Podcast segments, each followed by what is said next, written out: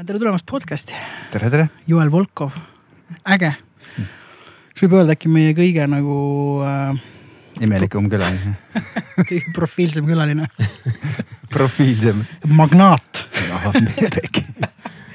mul, ma saan sind kiusata natuke sellega, sest mulle nii meeldib. kord inimesed tulevad mulle, aa kuule Sims on põhirokkstaar, siis ma olen ja, ja, ja. ja ma saan öelda sulle magnaat aga see kõlab hästi tegelikult, kõlab hästi jah. mida see küll tähendab, aga? Ma arvan, ta on vist boss tüüp äkki ja tüüp, kellel on võimu, aga nagu noh, võimuga on alati nii, et sa saad seda kasutada ju ise nagu, kas siis nagu hea või halvaga, on ju mm.. et kui see on sulle antud, mis iganes, või sa oled selle võtnud. niisama ei anta, ma arvan pigem see, kui sa ikkagi oled nii kõva mees, et sa tood väärtust, siis, siis ei saa sind nagu jah, keegi otseselt vallandada, eks ole, võib-olla, et hmm. pigem need olulised punktid, kui nüüd nii väga, et keegi annaks, eks. elu vallandab. elu võib-olla vallandab jah mm.. head kokkulepped eluga peavad olema. jah ja noh, ma ei tea, võim on vaataja silmades, mina ei näe seda võimu üldse ma ainult allun kõikidele kapriisidele ja tujudele, kellel, kellel mingi tuju on, mina jooksen. vot, vot see ilmselt ongi see tõeline valem. et mitte, et mina nüüd siin nüüd ütlen teile, vaid tegelikult on nagu vastupidi, onju. huvitav mm. -hmm ma siin natuke kuulasin teie podcast'e, ma ei Aha. ole saanud kõike läbi kuulata, aga ma ütlen sulle ausalt, et äh, nagu kuradi hea on kuulata ikkagi nagu haritud inimesi. Pole midagi öelda noh, ikkagi rahulikud, kooshoitud, vaoshoitud. ja, ja, ja nagu mida nagu nimed, et äh, Allar Jõks oli vist üks on ju. et nagu mis ma oskan öelda, et äh, äh, kuidas äh, näiteks sihuke asi üldse aset leidis, et teil härra Jõks teie juures lõpetas no ma loodan, et ta päris ei lõpetanud no, et... päris kell jõudsite eh, noh, see läheb aastaid tagasi, et eh, siis kui ma, ma, see oli üle kümne aasta tagasi, kui me hakkasime kunagi mingisuguse seltskonnaga tegema teenusmajanduskoda. mis oli siis eh, suurest frustratsioonist, et Eesti äri on nii kuradi loll et äh, tahaks sihukest targa äri nagu klubi teha või noh, sihukest, mis ka mõjutab ühiskonnas või millel on hääl, ütleme, kes räägib sihukeste teenuste eest nagu advokaaditeenused ja reklaamiteenused ja, ja veel arhitektiteenused ja siuksed nii-öelda kõrgema klassi suure lisandväärtusega teenused, et ja, ja finantsteenused, eks ju, sinna juurde. midagi oli veel mm. et, et ei läheks segamini sõna teenindus ja teenus, et äh, noh, juuksuriteenus on ka justkui nii-öelda eesti keeles teenus, aga tegelikult on ta ikkagi rohkem teenindus, mitte et ma ütleks, et juuksurid mingid jobud on. on väga šefe juuksureid ja igasuguseid, on ju aga et äh, ühiskond õpiks nagu vahet tegema, et on ka selline teenus, kus on hästi ajumahukas nii-öelda, kus ei lõigata mitte midagi ja kedagi, kedagi ei pügata, on ju. vaid luuaksegi ainult nagu ajuga lisandväärtust, on ju. noh, kas see olgu siis mingi IT valdkond või arhitektuur või disain või noh, ükstaskõik milline selline puhtalt nii-öelda tühjast kohast mitte millestki millegi tegemine on ju. ja mis püsib võib-olla sadu, sadu aastaid või muudab tuhandete inimeste elu või mis iganes on ju. et äh, vot seal selle asja tegemise käigus äh, Allar Jõks äh, esindas siis Soraineni, kus ta siis ühel hetkel maandus, eks. Mhm. ja seal me saime tuttavaks ja kuidagi saime hästi läbi ja siis, kui ta presidendi kandidatuuri üles andis, siis mina olin üks viieteistkümnest, kes teda siis soovitas nii-öelda nagu presidendiks hakata mm ja ta jõudis ju finaali välja. nagu need kõik, aga, aga siis pandi keegi teine sinna pulti üldse, ei tea kust on ju. aga mis aasta see oli? see oli siis, kui Kersti Kaljulaid toodi Euroopast. ja, ja see noh, mitte nüüd seekord, vaid eelmine kord jah aga mis see, mis, mis, mis see koht nii-öelda, et kuidas ma ütlen äh,, see hetk, kus viskas üle, et kurat, peaks tegema nagu mingi oma ajutrusti ja panna nagu, panema nii-öelda gängi kokku. mis see nagu see viimane piisk oli? Karikas? tead, need asjad vist on nii, et nad ei toimugi vihaga, et nad mm. nagu tagantjärgi ütlevad, et sai kõrini, eks, aga see on mingi kasvamine, et mm. Äh, teed oma mingit väikest äri, on ju. keegi teeb ka oma väikest äri, siis nad mingil kohas kusagil suhtlevad või saavad kokku või keegi viib nad kokku, on ju. ja lõpptulemusena äh, siis nad arutavad, et kurat, et aga meil võiks olla ju ka mingisugune, mingisugunegi kandepind või mingisugune hääletoru, et igaüks üksi on nõrk. ja siis mm. tekib nagu sihuke sihuke ühistu noh mm -hmm. siis paned, ühistu paneb oma nagu ideaalid kokku ja üritab mingi platvormi moodustada ja kui see platvorm heliseb, eks ju, mõned panevad partei ja hakkavad hoopis poliitikat ajama, eks ju. meid kedagi poliitika ei huvita. ja siis me panime sihukese nii-öelda nagu noh, nagu ettevõtja vaate Mhm. on ju, ja siis selle pealt hakkas vaikselt see asi kuidagi seal oma käärimist käärima ja elu elama ja siis me käisime ma ei tea, lõpptulemusena mingisuguse disainerite tohutu komandoga käisime Koreas, organiseerisime selle sama teenusmajanduskoja kaudu, et äh, pakkuda Korea mingitele ettevõtjatele euroopalikku disaini on ju. okei, sellest ei tulnud eriti midagi, aga väga tore reis oli. Siis, siis me oleme rääkinud erinevatest seaduste muutmise sisse nii-öelda nagu õigeid nurki, eks ju, sest et ega keskmine poliitik ei jaga tegelikult äh, sellest reaalelust suurt midagi, on ju. siis me käisime mitu korda presidendi vastuvõtul ja ma ei tea, peaministriga asju arutamas, see on sihuke huvitav nagu, et sa jõuad nagu mingisse teise nii-öelda punkti. mitte just, ma ei taha öelda magnaadi punkti, aga, aga nagu mingist klaaslaest saad justkui läbi, et sa näed, hakkad ühiskonda nagu hablama nagu hoopis laiemalt ja hakkad aru saama, et mis need mõjud ja vastasmõjud ja mikspärast asjad on nii, nagu nad on, on ju. et see on huvitav. ah, mis seadusi eh, justkui plaanis muuta oli või kas on Ainult too- on mingi mõni seadus, mis võib-olla häirib isegi und hetkel, et mis nagu kuidagi on natuke vale või? no too hetk oli noh, erinevad äh, töörühmad, eks ju, tegelesid, see oli, see oli päris suur seltskond lõpuks, mingisugune, ma ei tea, viiskümmend ettevõtet, kes lõpuks koondusid või rohkem isegi on ju Mm. ja siis räägiti sihukestest asjadest nagu välismaalaste seadus toona seoses üliõpilastega ja nendega, et kuna startup äh,, tegelikult Startup Estonia alustas ka sealt otsapidi nii-öelda oma tähelendu, eks ju. igasugused asjad fin-, Finance Estonia, mingid erinevad organisatsioonid, mis kõik on selle nii-öelda teenusmajanduskoja otsapidi nagu spin-off'id, eks ju et äh, ja kõik nad hakkasid oma mingisuguseid asju ajama, eks ega need seadused ju pidi vastu võetama, ega Bolti või Wolti ei oleks siia saanud tekkida, kui välismaalaste seadust ei oleks vastu võetud. Antud nagu lihtsamat nii-öelda inseneri tasemega mingisugustele tüüpidele natuke lihtsamalt neid nii-öelda elamislubasid, on ju. ja siis on igast maksuseadused, on ju, mis huvitavad.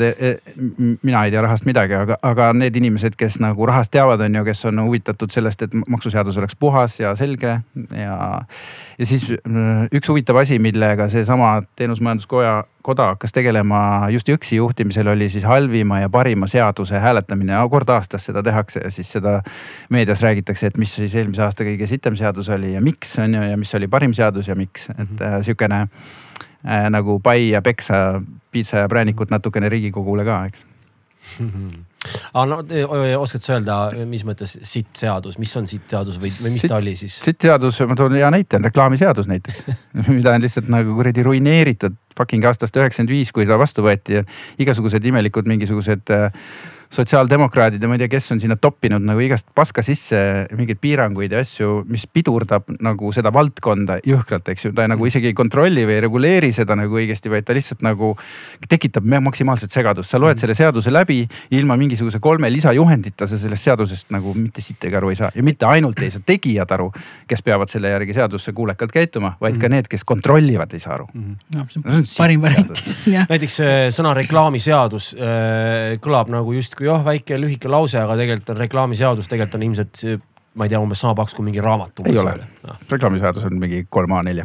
aga iga lause on nagu kood, kood, kood. kood noh jah Ja, ja. ja sellest äh, me oleme tõesti mitu raamatut äh, minu initsiatiivil nagu lahti kirjutanud, et saaks inimesed, kes teevad reklaami, saaksid aru, mida nad tegema, mida nad teha üldse tohivad, on ju, me oleme kolm raamatut tänaseks kirjutanud, ma ei tea, kui palju me veel kirjutame neid. Aga mis piirangud seal on, me ütleme, okei okay, on mingi alkoholi, tubaka reklaami piirangud, aga, aga mis, lastele, ma ei tea, noh igasuguseid asju piiratakse, et sa ei tohi näiteks äh, Miku reklaamis kasutada, kui ta ei ütle, et äh, on okei okay, onju või noh, igasugused siuksed asjad, eks ju, noh eetilised asjad, siis äh, paheliste asjade kaitse on ju, lapsi ei tohi kuidagi nagu äh, mingit Mõjut- seksi ja vägivalda ei tohi näidata, no mingisugused siuksed asjad, mis tunduvad lihtsad, aga tegelikult lõpptulemusena lähed korra Twitch'i või kuhugi mingisse mängukeskkonna, kus reklaamitakse mingisugust kuradi mängu on ju, kus on kuradi paljad dissid ja kõik lasevad püssist on ju, et noh, et mis mõte sellel seadusel? See kõlab nagu delfi.ee ka põhimõtteliselt no no,, seal on ikkagi nojah, podcast'id ka sinna juurde, see on sihuke veider platvorm, kus äh, kuradi Manscape ja asju, no Manscape on juba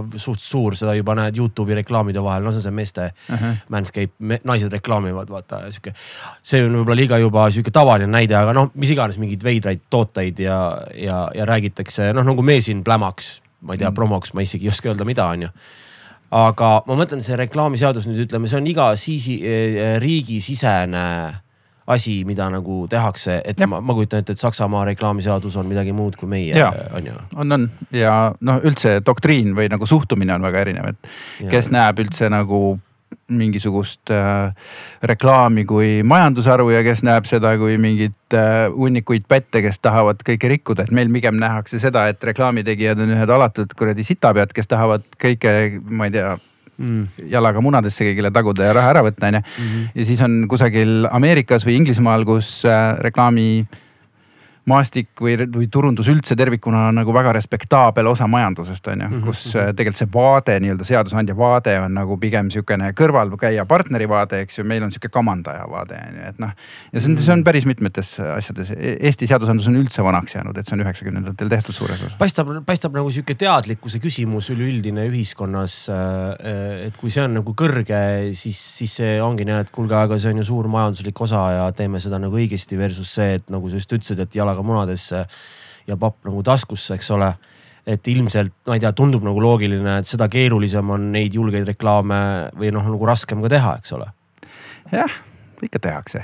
aga ikka tehakse No no,, ma mina- mõtlen nagu meil, et noh, et, et selles ja ei, mõttes. muidugi on raske. et, et tegelikult ju pööraseid ideid inimestel on, lihtsalt nüüd ongi see, et kas seal boarding room'is Jaa. nüüd kaugele me jõuame sellega ja. nojah, üks asi on seadus, kusagil on klient, kusagil on üldse nagu enda eetikapiirid ka on ju, et äh, igasugused asjad omavad mingit rolli, et isegi võib-olla mõnda asja võiks teha, aga klient jälle ei julge, eks ju, ja noh Jaa. nii edasi, et aga see on normaalne. niimoodi ka asju, klient ei julge. oi muidugi noh, klientidel on ju oma maine, et äh, igal brändil on oma mingi käekiri me- meile see asi ei sobi, sellepärast et meile sobib hoopis see asi, noh, mis on loogiline, normaalne mm. -hmm. aga nagu iga isik ka ei ole ju kuradi tola, on ju, et on ikka väga tõsiseid inimesi ja väga naljakaid inimesi, et samamoodi on brändidega ka mäletan, ma läksin ülikooli õppima, ma valisin kultuuriteaduse ja teine oli reklaam mm. -hmm. ma reklaami ei võtnud, sest ma teadsin, et mul ei ole raha, et minna seda õppima, mind väga huvitas. see oli ainuke koht, kus on tasuta mm. -hmm. koha võimalus, kuigi ega mu hinded ei olnud ka sellised, et võiks üldse tasuta kohale saada, kuigi ma lõpuks sain. aga Rein Raud oli mul, võttis äh, seda sisseastumisintervjuud vastu. väga tark mees. äh, väga tark mees, väga äge mees ka. ja, ja tema küsis mu käest, et Simson, mis siis teie nagu teine valik on äh,? Ütlesin reklaam, hm, väga huvitav. et äh, tahad tulla siia õppima, mis paljastab inimestele tõde, aga samas tahate minna õppima, mis ta, nagu tahab inimestele müüa valet nagu. see oli jumala pahviks, noh ta, ta tegi umbes nagu nokkis tegelikult selles mõttes, et ta ei olnud nagu nii tõsi taga, aga siis ma sellest ajast peale mul on kuidagi hullult äh, vot see, see, see lause vot täpselt. on ju, ongi, näitabki seda platvormi on ju, kus kohas siis reklaam Eestis paikneb nagu kultuuriliselt, et niikuinii määrivad midagi pähe on ju. Mm. räägid mingite vanema põlvkonna inimestega või noh, on igast uuringuid ja asju ja siis. ei no hea toode on see ikka, mis ise müüb, on ju, noh on ju, et seda ei pea ju reklaamima, sest et äh, kõik vanad, kõik on harjunud, et kunagi nelikümmend aastat oli defitsiit, on ju. kõik tahtsid neid kuradi Põhjala kummikuid, neid ei olnud, on ju, ja need reklaamisid ennast sellega, et neid ei olnud saada ise, on ju defitsiit müüs jah. va- vajadust oli rohkem kui seda kaupa, isegi kui see kaup oli pask, onju. aga et see reklaami kui sellise kontseptsioon, noh, ütleme võib-olla viimase kahekümne, kolmekümne aastaga on vaikselt hakanud ühiskonda, noh, ütleme või kahekümne aastaga, ütleme pigem onju. on hakanud inimeste teadvusesse jõudma, et see tegelikult on ju vajalik informatsioon iseenesest ja reklaam printsiibis ei tohi valetada, see on juba seadusega välistatud, eks. aga noh, see on okei okay,, ma ta liialdab ainult.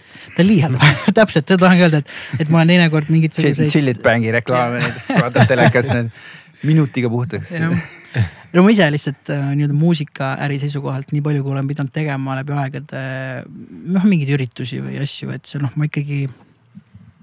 noh, mul see hetk on seal sees, et aga noh, nii ei ole ju meil aga me nagu paneme välja, et on, see ei ole, see ei ole mingi rets konflikt iseenesest on ju, siis lõpuks on mingi üritus kraalis on ju. noh, ja miks sina oled ju üdini aus hingel, ausa hingega inimene. see on jube. sa ei saagi üldse, sina ei saagi reklaami üldse teha, sellepärast et sa hakkad nagu kahtlema lõpuks vaata selles. oot-oot-oot, aga ikkagi, kas see mingi koma, null koma, koma koht ikka, kas see oli korrektne, kas see kuradi meil ikka ei ole päris džäss, seal on ikka natuke roki vibe, ongi pekkis. aga tead, minul on, mul on kuidagi, eks meil kõigil on see yin ja yang, ma olen samamoodi, et ma arvan, ma minust oleks olnud väga hea jurist. aga ma nagu oleks tõenäoliselt see dark side'i valinud lõpuks, et ma oleks olnud siis nii-öelda advokaat, mitte prokurör või riigi heaks töötav ja no ütleme see, mis ta nimi on, Oliver Nääs oli, eks ole, kes Savisaar, tema oli mu treenikaaslane, hea sõber, kui me väiksed olime ja lihtsalt, kui see protsess oli, siis ma mõtlesin, ma oleks eos näes. või selles mõttes, et nagu kui mulle pakutakse ja ma teeks oma tööd ikkagi hingega ja kirega ja väga hästi. aga pigem oleks see tüüp, aga siis ma peaks justkui jah, nii-öelda sisemise võitlusele, ma peaks nagu tegema selle valiku. jumala leidma, sa pead alati, isegi kui sa arvad, et ma lähen nüüd viltu, ei, aga ma teen jumala tööd, usakatel toimib see väga hästi. see toimib liiga hästi selles mõttes, et no problem. et, et noh, see on huvitav vaata, et selle reklaamiga samamoodi, et ma arvan, ma täiega leiaks endale selle koha, kus muidugi kirjutame niimoodi või teeme niimoodi. aga no, korraks ma tulen kähku. hea, et sa trummariks hakkad just. Äh, et kas, kas, äh, kas kliendil on ka nõustaja selles mõttes väljaspool, äh, kuidas ma ütlen e,, mitte väljaspool, et kas tal on ka eraldiseisev nõustaja, mitte et teie nagu ei nõusta klienti. tal võib igasuguseid imelikke nõustajaid olla ja, ja, ja mitte imelikke nõustajaid ka.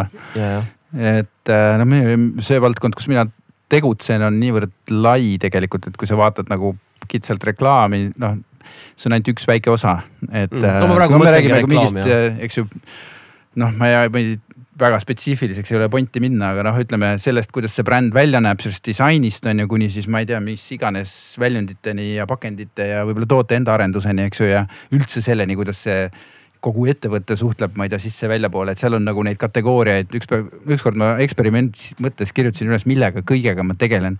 ma sain kolmkümmend viis kategooriat nagu, mis on kõik professionaalsed kategooriad, mis on identifitseeritavad kategooriad, millega ma pean olema kursis, on ju. Mm. mis on kõik nii-öelda, millega igaühega võiks teha tik, nagu doktoritöö on ju Mm -hmm. et noh, nad on ülikoolides õpetatavad, niisugused asjad mm. -hmm. et, äh, et ma pean olema kõige sellega kursis, loogiline, et mingis valdkonnas ma ei ole väga kursis loogiline, et seal mingis valdkonnas kusagil noh, leidub keegi, kes on igal juhul must parem või ma ise kutsun mõne eksperdi kaasa, keda noh, ma usaldan või tean, on ju mm ja, ja, ja. aga mis seal ülemises otsas on, tundub, et tegelikult ikkagi psühholoogia ja inimloomus sellest nagu algab niikuinii või? see on sihukene must have anyways, nagu anyways. et äh, kui seda sul ei ole, siis ei saagi seda tööd ja. teha üldse on ju, aga seal on noh, ütleme, ma räägin nagu nii-öelda metodoloogilistest nii-öelda kategooriatest alates mis, mis iganes user experience design, mingisugune uh, uh, retail kuradi Typology. ja ma isegi ei suuda neid välja öelda, eks ju, you name it, et noh, bränding laias laastus, aga brändingu sees on sada miljonit asja, eks ju. noh copywriting ja lihtsamad asjad nagu projekti juhtimine, mis ei ole sugugi mitte lihtne tegelikult on ju. noh, nii-öelda rütmi hoidmine ja arvetega seal ja rahadega tegel-, tegelemine, eks ju, ja, ja siis kõik noh, mingisuguste jah, semantikani välja tegelikult, mis on ka ju teadus, noh ikkagi mm kuigi Jaak Aaviks ütles, et filosoofia või Beckeminas ei ole mingi teadus, on ju, aga no minu meelest näiteks semantika või semiootika tervikuna noh, ta on empiiriline jah, nõus, ei saa öelda matemaatiliselt, et null koma null kaks protsenti näeb kolmnurka ja mõtleb naisele, on ju. ja teistpidi kolmnurka mõtleb mehele, aga sa saad ikkagi nagu eeldada noh midagi, on ju. Mm. et seal on äh, äh, ja ühesõnaga neid asju on päris palju.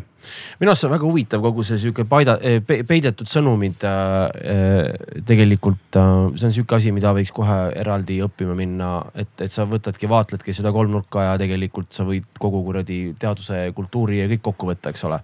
kuni sinna okultismini välja, eks ole mm, -hmm. mis on minu arust Äh, kus on see kõige-kõige ägedam info. see on äge ma isegi, ma olen hästi palju lugenud selle kohta või noh, kunagi mind ilgelt huvitas, ma olin mm. ju paduhingeline death metal'i fänn ja täis, täislaks satanist mm.. käisin tagurpidi rist kaelas ringi mööda linna, sain vanamuti käest sõimata.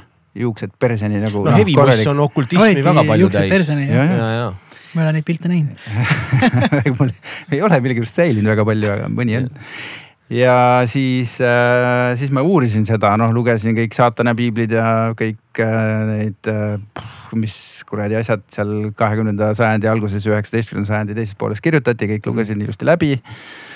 Ja siis sain aru, et see kõik on fucking muinasjutt.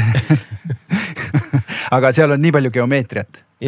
et see, see on nii lahe, see mind ilgelt paeluski tegelikult, pärast hakkasin mõtlema, noh, kuna ma olen hariduselt arhitekt siis mind, mulle hakkas lihtsalt paelus kogu see noh, noh renessansi aegne, vaata siukene kuradi sirkliga tõmban niipidi, siis tõmban niipidi, siis alt veel midagi on ju, siis moodustub mingi kuradi lumeälves ja siis tõmban sealt ristipidi mingisuguse ringi läbi, siis tuleb mingi sarved mingi, saatan tuli välja. Oh my god ja siis kirjutad mingi alfa, gamma, beeta, saatan no,, power on ju. kits ristele südaöösel ja anna minna.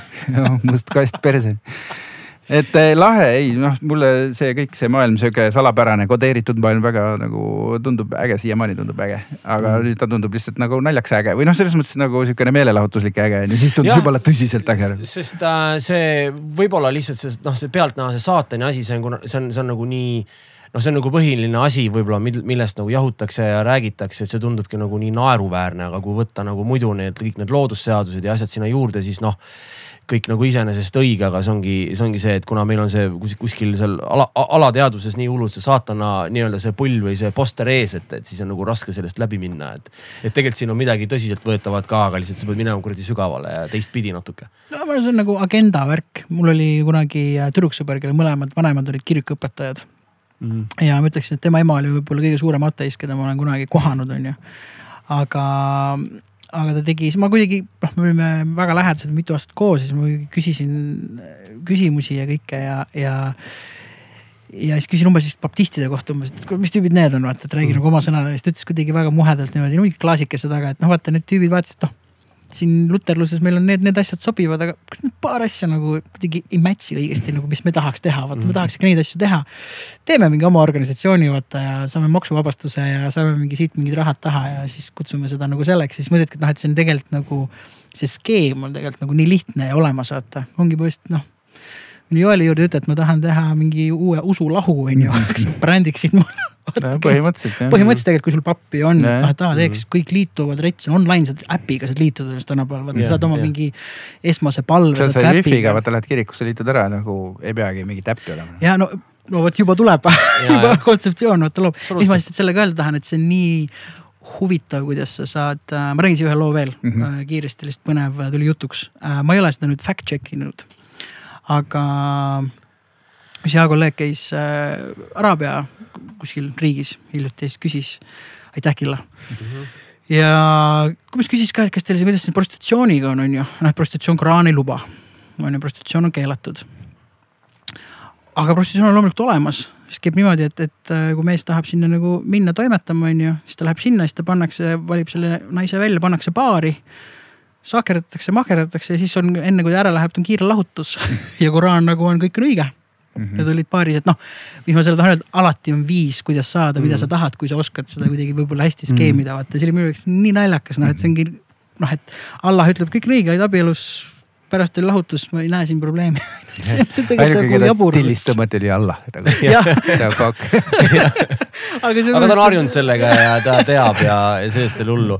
kusjuures tegelikult see on väga hea point või sihuke äh, üleüld-, mis, mis näitab nagu seda, et tegelikult ei maksa nagu võtta või muretseda selle pärast, et sa nagu teed midagi valesti, sest su südametunnistus justkui, sa pole mitte midagi rikkunud, aga sa juba tunned, et kuule, kui ma nii teen, äkki ma nagu ei sobitu nii või naa. Ja see, see sobitumine ühiskonnas on nagu suur mure inimestel, et äh, tegelikult võiks nagu vähem muretseda ja rohkem just käia nii-öelda nagu sa just rääkisid, et aga põhimõtteliselt ju kõik on ju korras, et ma ei ole noh, keegi ei ole nagu liiga äh, saanud, vaata et äh, minu arust oleks.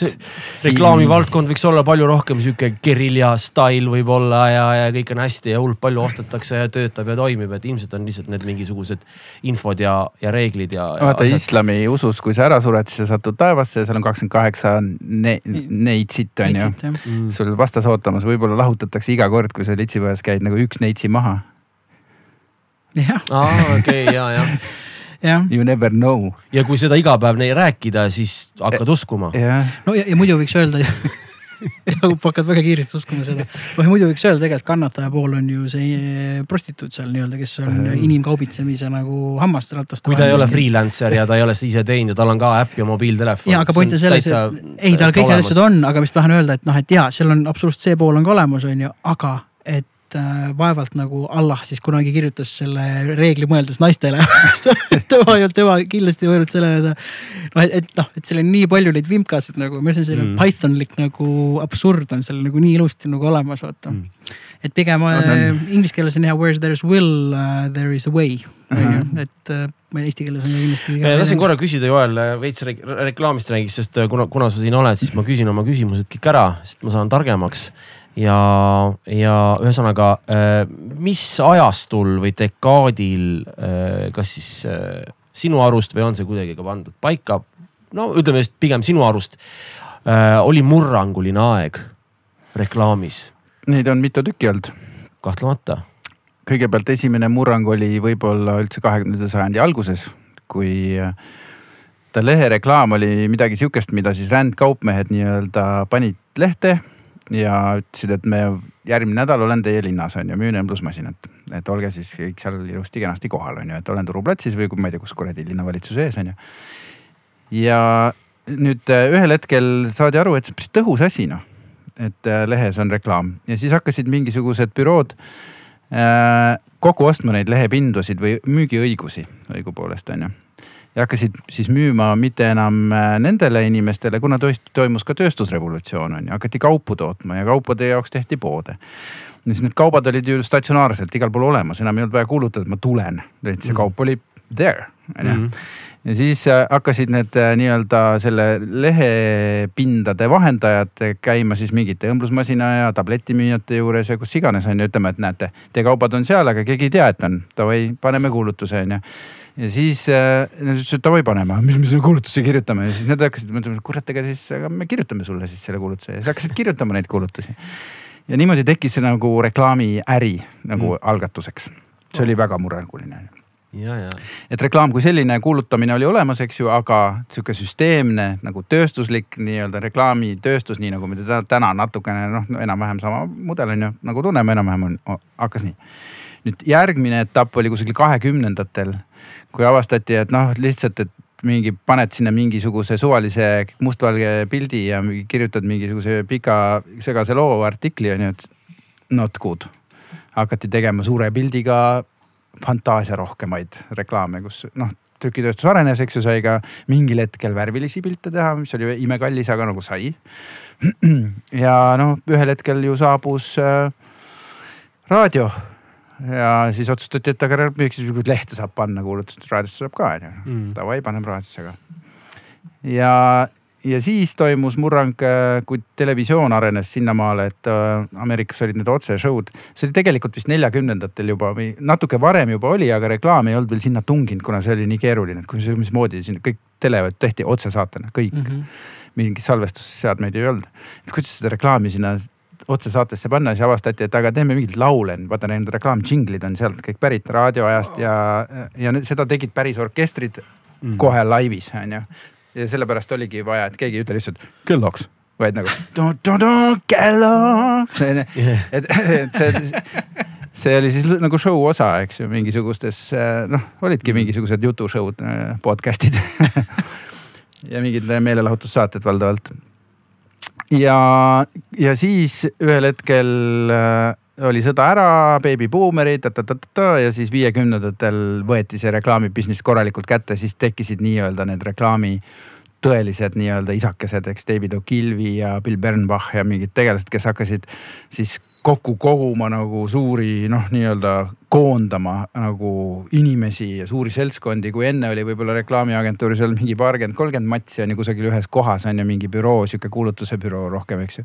siis nemad muutsid selle professionaalseks, tuhanded inimesed, eks ju, nagu firmas läksid koos klientidega, kuna kliendid hakkasid ka globaliseeruma, Shell ütles, et äh, me läheme nüüd Kanadasse, David Ogilvy oli siis tema, Ogilvy and Mother oli nagu tema agentuur on ju, David Ogilvyle ütles, et me läheme nüüd Kanadasse ja kui sa meiega kaasa ei tule sinna Kanadasse, siis mine ka pekki, et siis me leiame kellegi, kes meiega riskib, on ju koos. Ja siis David Ogilvy ütles, et okei okay. Ja siis tegi Kanadasse ja siis tekkis reklaamikett on ju, tekkis ja siis ja nii edasi see läks, on ju, et see rest is history. ja reklaami esteetika kusagil siis kuuekümnendate alguseks ka muutus totaalselt ära, et äh, tekkisid siuksed asjad nagu imidži reklaamid ja telereklaamid ja kus räägiti hoopis mingisuguseid nagu fantastilisi, kus oli juba noh, salvestatud, eelsalvestatud, eks ju, ei tehtud otse-eetris enam. see on umbes nagu Mad Meni, sa vaatasid kunagi sellist sarja ja ei, ma, ma isegi ei viitsinud seda vaadata, sest ma tean seda peast, aga nagu. aga noh, see oli oli see tõetruu nii palju, kui sa vaatasid kuidagi see ja, story ja, ja umbes. no ajastu. ta on ja, aga seal, seal rohkem on mingit seltskonna plo- plotti punuti ja jaa, mingeid suhteid. ta on ikkagi, ta on selles mõttes, et draama ja suhtekas, aga, aga lihtsalt aga see keskkond on filmi, autentne. filmikunst sealjuures, see keskkond oli, oli nagu, oli päris lahe ja, ja tehti suitsu palju ja, ja, ja, ja no suitsu tehti alles, mul oli kunagi suitsuklient äh,, kaks suitsuklienti on olnud, üks oli Swedish Match ja teine oli Austria Tabak, kus enne ei tohtinud üldse sinna kontorisse sisse minna, kui sa ei pannud ukse peal suitsu ette nagu terve kõik koosolekud, kõik tassasid nagu terve tuba oli paksult tassa täis nagu.. aga kuidas näiteks Vietnami sõda mõjutas reklaamiäri mingi perspektiivi, perspektiivi all kindlasti on ju, et kuue-seitsmekümnendad on ju tegelikult väga pöörane aeg on ju. no ta muutis seda esteetikat ja seda sõnumit, aga ega ta seda äri muutnud ei ole, sest Jaa. et see kuuekümnendatest, kui see asi buumima hakkas, on ju. reklaamimehed olid sisuliselt kõige rikkamad vennad, nad olid nagu noh, Fifth Avenue'l olid kontorid, on ju advokaadid ja need, kes nõustasid suuri firmasid ja neid liitumisi ja ostmisi, eks ju, sama mm., sama kõvad mehed olid reklaamimehed, on ju. reklaamivennad äh, teenisid nii, et neil olid eralennukid. David O'Gilby käest kunagi küsiti, et äh, noh, mis asjadega, mis sa siis ise tarbid, on ju, et ei, ma ainult, ma olen tagasihoidlik mees, et ma tarbin ainult neid asju, mida minu kliendid nagu müüvad, mida ma nende jaoks reklaamin. noh, auto mul näiteks on Rolls-Royce on ju, kell on näiteks Rolex on ju, siis äh, alla häda või shirt'i ma selga ei pane ja siis nagu mingisugused siuksed noh, kõik on mingid top-notch nimed, kes olid kõik ta kliendid on ju, kes maksid mingeid meeletuid miljoneid, et saada sellesse kohta, kuna reklaam ise, klient ise ei teadnud, kuidas reklaami teha. on ju, siis kusagil oli tähtsa näoga sihuke cool vend on ju, kes ütles, aga mina tean. Nii? ja, ja noh, see narratiivi rääkimine või lugude rääkimine hakkas siis pihta, eks ju mm, mis on praegu noh, must have, eks ju, ilma loota midagi põhimõtteliselt ja hakati brände kujundama, hakati nagu teadlikult brände kujundama. see oli siis nüüd kuuekümne, seitsmekümne. kuuekümnendatel ja niimoodi ja siis tuli noh, mis iganes sõda, sõdasi oli kogu aeg ju. Aga see tegelikult see- nagu see. Ameerikat ju ei puudutanud nii palju, kuivõrd et noh, mingid ameeriklased läksid Vietnami ja surid ära, aga see keskkond Mm. äh, Ameerikas ikkagi toimis. hipikultuur tuli lihtsalt esteetikavahetus, muusikavahetus, eks ju, siis tuli mm. birth control, mis mõjutas võib-olla kõike, kogu majandust üldse nagu maailmas kõige rohkem, on ju. et äh, ja ja kaheksakümnendatel juba olid äh, esimesed megakorporatsioonid tekkisid, eks Nike läks väga suureks, kaheksakümne neljandal aastal tehti esimene suur globaalne kampaania Los Angeleses, kus Nike oli juba rahvusvaheline suuresti, eks ju. aga kus ta juba kasutas mingeid niisuguseid megapindu ja mingeid asju, noh, mis oli nagu stratosfääriline nagu mm. noh, tava business'i mõistes on ju ja noh, siis tulid igast Apple'id ja asjad peale, noh ja jällegi nüüd me teame noh, kuidas see kõik on nii suur, eks ju, et mm. meie siin seda ei näe, mis tegelikult reklaam on meie näeme ainult natukene mm, -hmm. aga kui sa oled Ameerikas või Inglismaal või kus iganes, eks ju, et siis sa tegelikult näed, kui suur äri see on. see on nagu fucking huge on ju. aga noh, nüüd on jälle need korporatsioonid mingil hetkel ja noh, ütleme kaheksakümnendatel oli siis ka megakasv ja, ja, ja siis tulid siuksed äh, kaheksakümnendate lõpus ja üheksakümnendate alguses tekkisid siuksed brändid nagu diisel, anakronistlikud siuksed nagu vastu oportunistlikud brändid, vaata, kes Mm. tahtsid nii-öelda punki punki panna, onju. Et kui muusikas punk tuli, eks ju, seitsmekümnendatel mm.. Äh, siis, siis punk nagu reklaami või nagu turundusmaailmas tekkis alles kaheksakümnendate teises pooles. Mm. aga ta tekkis nii, nii sophisticated, et noh, kui sa Jaa. mõtled nende diisli asjade peale, et nagu tegelikult esteetiliselt super äge, aga see, kuidas nagu seda välja mängiti, kõik oli nagu äraspidine ja see see muutis väga sihuke krunge ja nagu vibe kergelt onju. et see jah, tuli. muss on hea point küll, tegelikult avas palju, sellepärast et me räägime teksapüksist, noh nagu, nagu lihtne olme, lihtne asi, see on nii safe, kuidas ma pääsen lähedale tegelikult inimesele on ju. jah, aga konkurents on nii rets, nii rets ja et sa pead ikka ennast lolliks no maksma. kui Levis jättis vahepeal, noh, Levis oli kunagi see kahe, üheksakümnendate alguses, kelle reklaamimuss oli alati nagu number üks pärast seda, kui see reklaam välja tuli, on ju. I m a passenger, noh mingid siuksed lood, eks ju, kõik on leged lood. kui see tuli nagu välja reklaamiga, siis see oli Brinks kohe number üks billboard'ist. Jaa. ja siis äh, jätsid nad nagu mingid paar kampaaniat ära mingil hetkel, ma ei tea, kas juhatus vahetus või mingid majandusnäitajad olid halvad, noh nagu tehakse ikka, kus sa ikka lõikad, eks ju, reklaamieelarved on suured, siis lõigatakse need ära. Pumm, kohe ta, kohe täiesti maas ja läks kakskümmend aastat, et noh ennast ülesse saada, et sa pead kogu aeg tegema, kogu Jaa. aeg maksma, onju. arvaks küll, et nagu, et suure korporatiivse Ameerika sihuke lemmiklehm levi, levis, et noh, vähemalt meil on see üks, mis mm. kuidagi äh, näitab nagu sihukest lihtsat äh, äh, Bruce Springsteeni sihukest publikut, onju. Aga tegelikult ei, kui sa jätad nagu no, noh, ühesõnaga ei ole nii. innoveerima kogu ja, aeg, ja, ja et, et sul ei ole see, et sul on riik taga, noh, praegu on sitasti, no selge, näed, minge tehke mida iganes, et see raha justkui peaks tulema kuskilt, tegelikult mm -hmm. ei ole nii noh. no brändid, mina mõtlen, kõige lähedam võrdlus minu jaoks brändidega on nagu bändidega. et äh, iga kampaania on plaat, onju. Mm. ja ükstaskõik, mida nagu sa teed, sa pead nagu bänd mõtlema läbi, miks sa seda teed, mida sa, mis su sõnum on, onju. Mismoodi, kui prof-, see peab olema väga professionaalselt tehtud, onju, kellele sa pead olema läbi mõtelnud, eks ju, et kellele sa seda teed siis eh, kuhu see mahub üldse sinna kuradi plaadiriiulisse on ju, milline see plaadi kujund, noh, seal on nii palju asju on ju. kampaaniatega on täpselt sama lugu, et see kõik ja millised nüüd noh, need videod on, eks ju. et mm. äh, iga bränd, ma ei tea, Nike'ist kuni mingisuguse kõige tavalisema mingisuguse preemia jäätiseni on ju, kõik nad tegelikult peavad ühtemoodi läbi mõtlema oma nagu järgmise plaadi, võib-olla neid plaate ilmub aastas mitu mm.. aga sa pead nagu kõike seda, see peab orkestreeritud olema nagu nii põhjalikult ja nii täpselt Äh, ainult siis on mõtet seda teha. kui sa seda niimoodi ei tee, mõtled, et ah, viskan üle jala mingi paar lugu, äkki keegi kuulab, noh siis keegi ei kuula. siis sa oled mm -hmm. nagu, nagu meie bänd umbes kas saab muidu öelda ka, et, et mida on keeruline reklaamida, kas mõnda asja kuidagi lihtsam või mõnda asja kergem või? mina ei tea, ma arvan, et äh, inimestel on nagu erinevad eelistused, kes teevad reklaame mm, -hmm. et osadele tundub mingi poliitpropaganda tegemine nagu täitsa tavaline asi, mina näiteks ei puutu seda mitte kunagi, ma ei taha, mind ajab see oksele lihtsalt onju. aga oled teinud kunagi? ei ole, ei ole, ei tee, ei kavatse teha. Ka no see on, see on ainuke põhimõte, mis mul nagu on selles valdkonnas, et ei noh, teine asi, mingeid roppusi, rõvedusi, eks ju, ja mingeid noh, ma ei tea. Mm., lastele halba ei taha ka.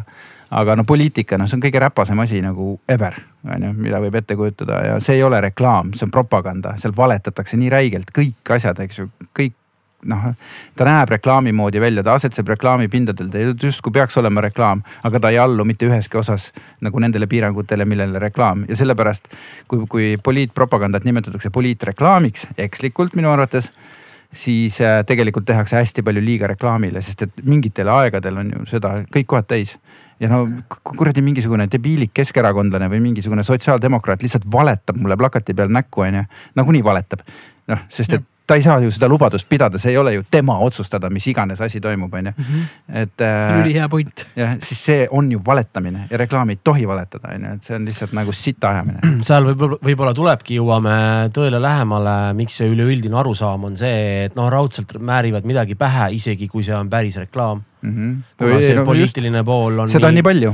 igal pool nii, nii palju, raha on palju ja pläkerdame, eks ole. jah, jah, ja need, need on tohutu suured kampaaniad Eesti mastaabis. üks, üks erakond ei saa alla miljoni või pooleteist euro üldse nagu mingit kampaaniat teha, kui on valimisperiood.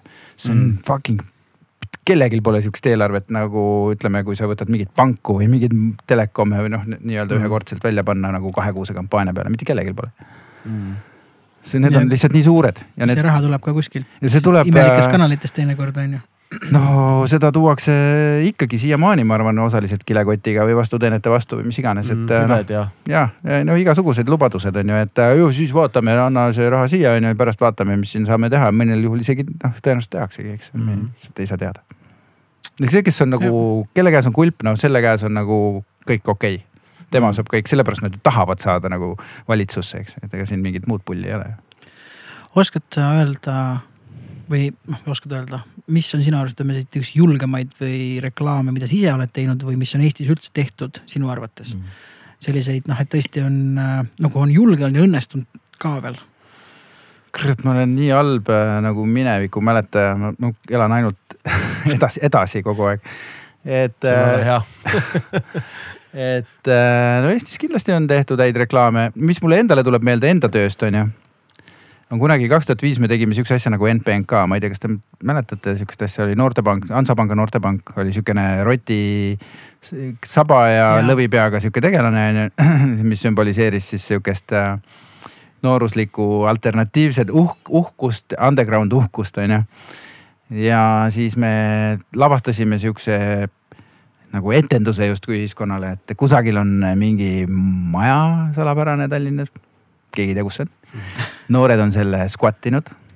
Äh, see oli Eestis, keegi ei tea, mis asi on squat imine Nad on selle squat inud ja tahavad oma kultuurikeskust sinna teha ja see maja noh, sisuliselt ei kuulu kellelegi, et see on mingi lihtsalt seal seisnud sada miljon aastat tühi on ju. aga nad tahaksid seda maja ametlikult nüüd endale saada. Ja siis äh, see legend nagu käis selle ümber, siis äh, nad tegid seal mussi justkui äh,. Nad tegid seal kunsti, trükkisid plakateid, panid, kleepsid linna seda täis, nad, inimesed said nagu näha, mida nad tegid nagu läbi nende signaalide, mida nad tegid, nad levitasid seda infot läbi mingisuguse, mingi kuradi foorumi alamlõigu. no ühesõnaga ära peidetud kohas nii-öelda, nad seletasid lahti, mis nad teevad, levitasid oma videosid ja asju, aga nad oma nägu kunagi ei näidanud, nagu väike terroriorganisatsioon mm.. kõlab küll nii. ja, ja siis ja siis lõpuks ähm, ja siis nad tegid graffiti eid tänavale ja igast pettusi, noh nagu noored teevad, onju mm. ja see pööra, see, see, see tekitas nii palju nagu tähelepanu, lõpuks hakkas meedia kontakti otsima nende noortega ja jõudis otsapidi nagu siis meieni siis me andsime moonutatud häältega intervjuusid mingitesse hommiku kuradi saatetesse. Teles räägiti, Aktuaalses Kaameras räägiti ühel hetkel, ühel hetkel oli Õhtulehe esikaas nagu what the fuck, et kus need on, meie kuradi ajakirjanikud käivad ringi ja juba kuradi. et noh, et okei okay,, et aga et mida nad siis täpselt tahavad ja nagu noh, vau, vau, vau ja kas linnavalitsus on seadusanud, siis, siis me tegime siukse äh,. nimetasime kolme banaani lepinguks mille viisime siis salaja linnavalitsusse, filmisime selle sinna viimise nagu üles, kuidas rotimaskiga vennad viisid linnavalitsuse vastuvõttu sinna mingisuguse ümbriku onju. ja siis hakkasime kella kõlistama, et kuradi linnaisad äh, said lepingu, nad ei ole seda kommenteerinud midagi, siis aselinnapea. noh, Savisaar oli toona linnapea, nii et siis ma ei tea, kes see aselinnapeal oli seal et võttis siis sõna, et oi jah, et me oleme paberi kätte saanud, me uurime. ühesõnaga sellest tekkis nagu sihuke reality show, vaata. kõik mul hakkas endal ka pea ringi käima ja siis kusagilt keegi raisk lobises, meil oli nagu tohutu, vaata nagu kõik osapooled, seal oli palju osapooli tegelikult, kes kõik pidid nagu olema mm., et nad ei räägiks seda kellelegi. aga see tegelikult nagu isegi sobis meile lõpuks, aga algus oli nagu halb mm.. ja ütles, et see on tegelikult Hansapanga mingi pangakampaania nagu noortekampaania, et see ei ole päris ja siis meedia pani, kuna nad läksid nii haledalt õnge sellele asjale, siis nad olid nii maruvihased, nad hakkasid nagu igalt poolt uurima, mis pank ja nad muidugi nuhkisid välja, et see oli Hansapank. oi, putka vaat siis, siis pangal hakkas jalg värisema. siis kutsuti mind peadirektori juurde Priit Põldoja oli toona peadirektor, mis asja sa korraldanud oled, et mis asi toimub, et kõik on meie peale pahased, on ju.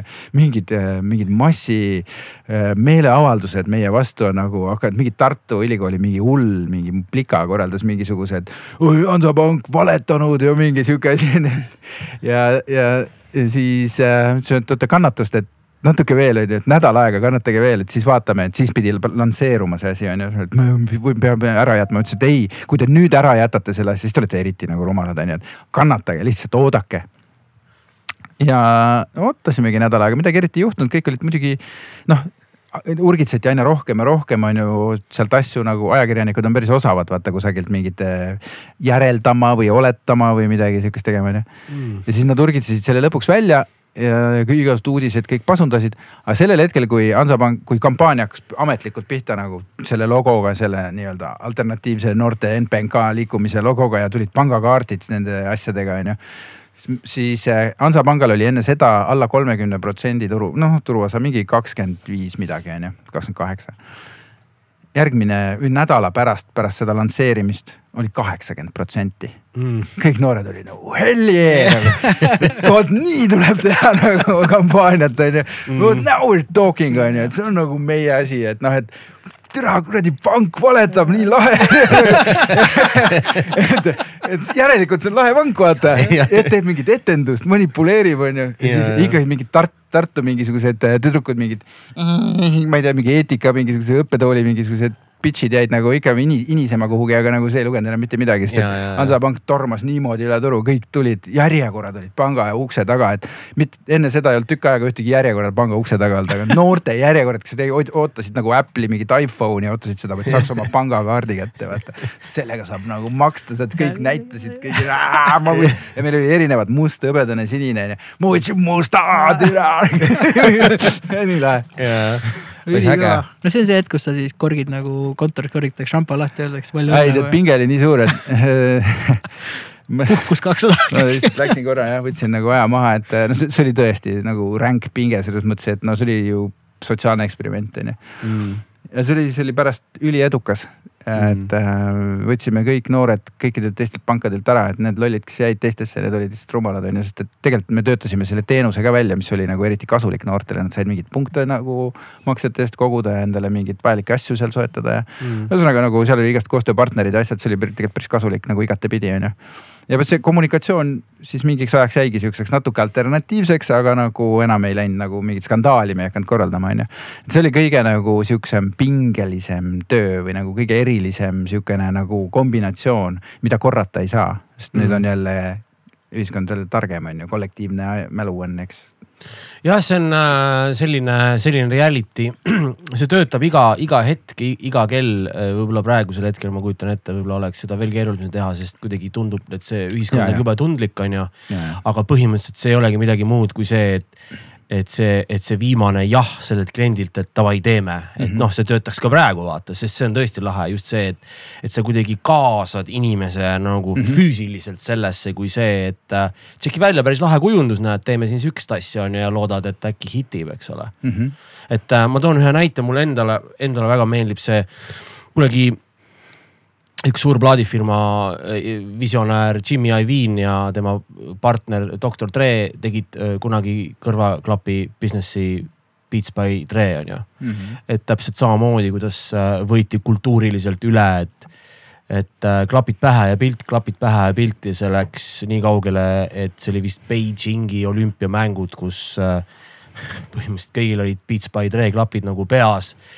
ja, ja uudis oli ka niimoodi, et noh, näed, et noh, sa saad nagu puid alla, sest see mingi hetk nagu ikkagi nagu keelat-, kas mitte keelatud või noh, ühesõnaga, et päris nii ka ei saa, sellepärast et seal on see mingi ametlik, ametlik brändi, brändindus on seal mm -hmm. olümpial nagu nii teistmoodi. aga jällegi nagu sa just ütlesid, et see teie, teie asja puhul oli ne- nendega, Jimmy'ga ja nendega samamoodi, et, et nüüd see trikk on nagu tehtud, vaata mm -hmm. justkui, et mingi asi on niimoodi, et ja, ja meie tegime seda mm, -hmm. et kui eriline see on Neil oli äh, väga lahe see positsioneering, ma mäletan, kui see case oli, onju. mm.. et nad enne seda olümpiat tegid ilgelt kõva kampaania, mis oli game before the game mm Mhm. -hmm. ehk siis see hetk enne mängu, onju, kus kõik sportlased keskenduvad. NBA mehed tulid just. äh, ja siis ja. olid seal kõik jalgpallurid ja mingid ujujad ja kõik onju, kes nagu lihtsalt võtsid selle, need olid pisikesed filmid sellest, kuidas siis mingi kuulus, eks ju, kes iganes, Neumeier või noh, ma ei tea mm. -hmm. suvaline mingisugune tegelane onju. istus lihtsalt oma, pani oma lemmikmussi peale, kuidas kõik läks vaikseks onju, kõik need hordid, kes kisasid, kõik kadusid ära onju, siis ta lihtsalt nagu oli selles kohas ülikeskendunud onju ja see toimis nendele tüüpidele, seal oli nii tugev insight, sest et seda nad teevadki. Nad Mhm. keskenduvad No lähevadki ära onju. elustiil jah. sest et neil on vaja, see, see ei ole isegi elustiil, see on, see on osa metoodikast, spordi, tippspordi metoodikast on see, et get lost nagu enne, nagu kui sa sooritama lähed, sa ei tohi mõelda mm. mitte millelegi, sa pead olema täiesti puhas, on ju, sest et kõik trenn on tehtud sa ei tohi enam mõelda, ühtegi parandust ei tohi teha, see on nagu laivile lähed, onju. sa ei tohi mitte ühtegi sihukest eksperimenti seal tegema hakata, kui on suur nagu vastutusrikas laiv, sa pead mängima seljakeeliku pealt nagu puhtalt ainult kõiki neid üleminekuid ja asju perfektselt nii nagu homset ei oleks, et vaatajal oleks täitsa pekkis, see oli võib-olla kõige retsim jah, üldse. ja, jah, ja kõige rumalam asi, mis sa saad sihukesel hetkel teha, on hakata ennast korrigeerima või kahtlema, onju. see tähendab seda, et sa ei tohi üldse mõelda enne seda, kui sa lavale lähed või noh, nagu nii-öelda sinna kuhugi vehklema lähed, onju. Sa ei tohi mõelda selle peale, mida sa teed. nojah, loovmehhanism äh, peab üle võtma, et äh, kui hakkad mõtlema, hakkad endal jalga tulistama ja tekivadki need kõhklused ja kahklused, eks. jah, jah. jah. mäletan neid, jah, ma mäletan neid kampaaniaid isegi, ma olin isegi väga lähedal ostma neid. kuigi ma ja nagu sain aru mina isegi ei ostnud pask oli, mul lagunesid mingi kuradi kolme kuuga nagu higi läks sisse, noh, ma tegin toona ilgelt trenni ka. higi läks sisse ja läks pekki ja siis äh, läksin, vahetasin välja, siis läksin teised vahetasin välja, siis kolmandaid ma enam ei viitsinud, siis ma juba võtsin, võtsin mingisugused hoopis teise mm., Bose omad ja. aga sound, sound mulle meeldis. sound meeldis jah, natuke bassine, aga noh, on, eks see ongi aga, nimelt aga. see hip-hopi jaoks okei okay.. no niimoodi neid saadaksegi konksu otsa, ma mäletan, mina mm. noorus oli Aiva, Aiva oli väga kõva firma kunagi ja siis ikka ka, et ja noh, Sony loomulikult kõik need asjad, et kui sa läksid proovima ikkagi, see oli see extra bass ja mingi cross bass ja kõik on nii bass'i. Nüüd muusikaga tegeles, ma saan aru, et see täpselt see madal, mille ma tahaks ära lõigata natukene, et ta on, aga nii-öelda esmapilgul ta nii-öelda joob selle ilusaks ja pimestab, siis arvad, ossa no oleneb, mille jaoks sul vaja on neid, olgem ausad. no kui see ikka ülevoolav bass on, mida sa ei saa kontrolli alla ja see on nii ülevoolav, et sul mingid muud sagedused, mis on ka maailmas olemas peale bassi nojah, kaovad aga see. ongi see, et sa oled professionaalses keskkonnas muusikaga nii palju, et sa juba eos mõtled nii noore jaoks ja ülevoolav bass ongi teema.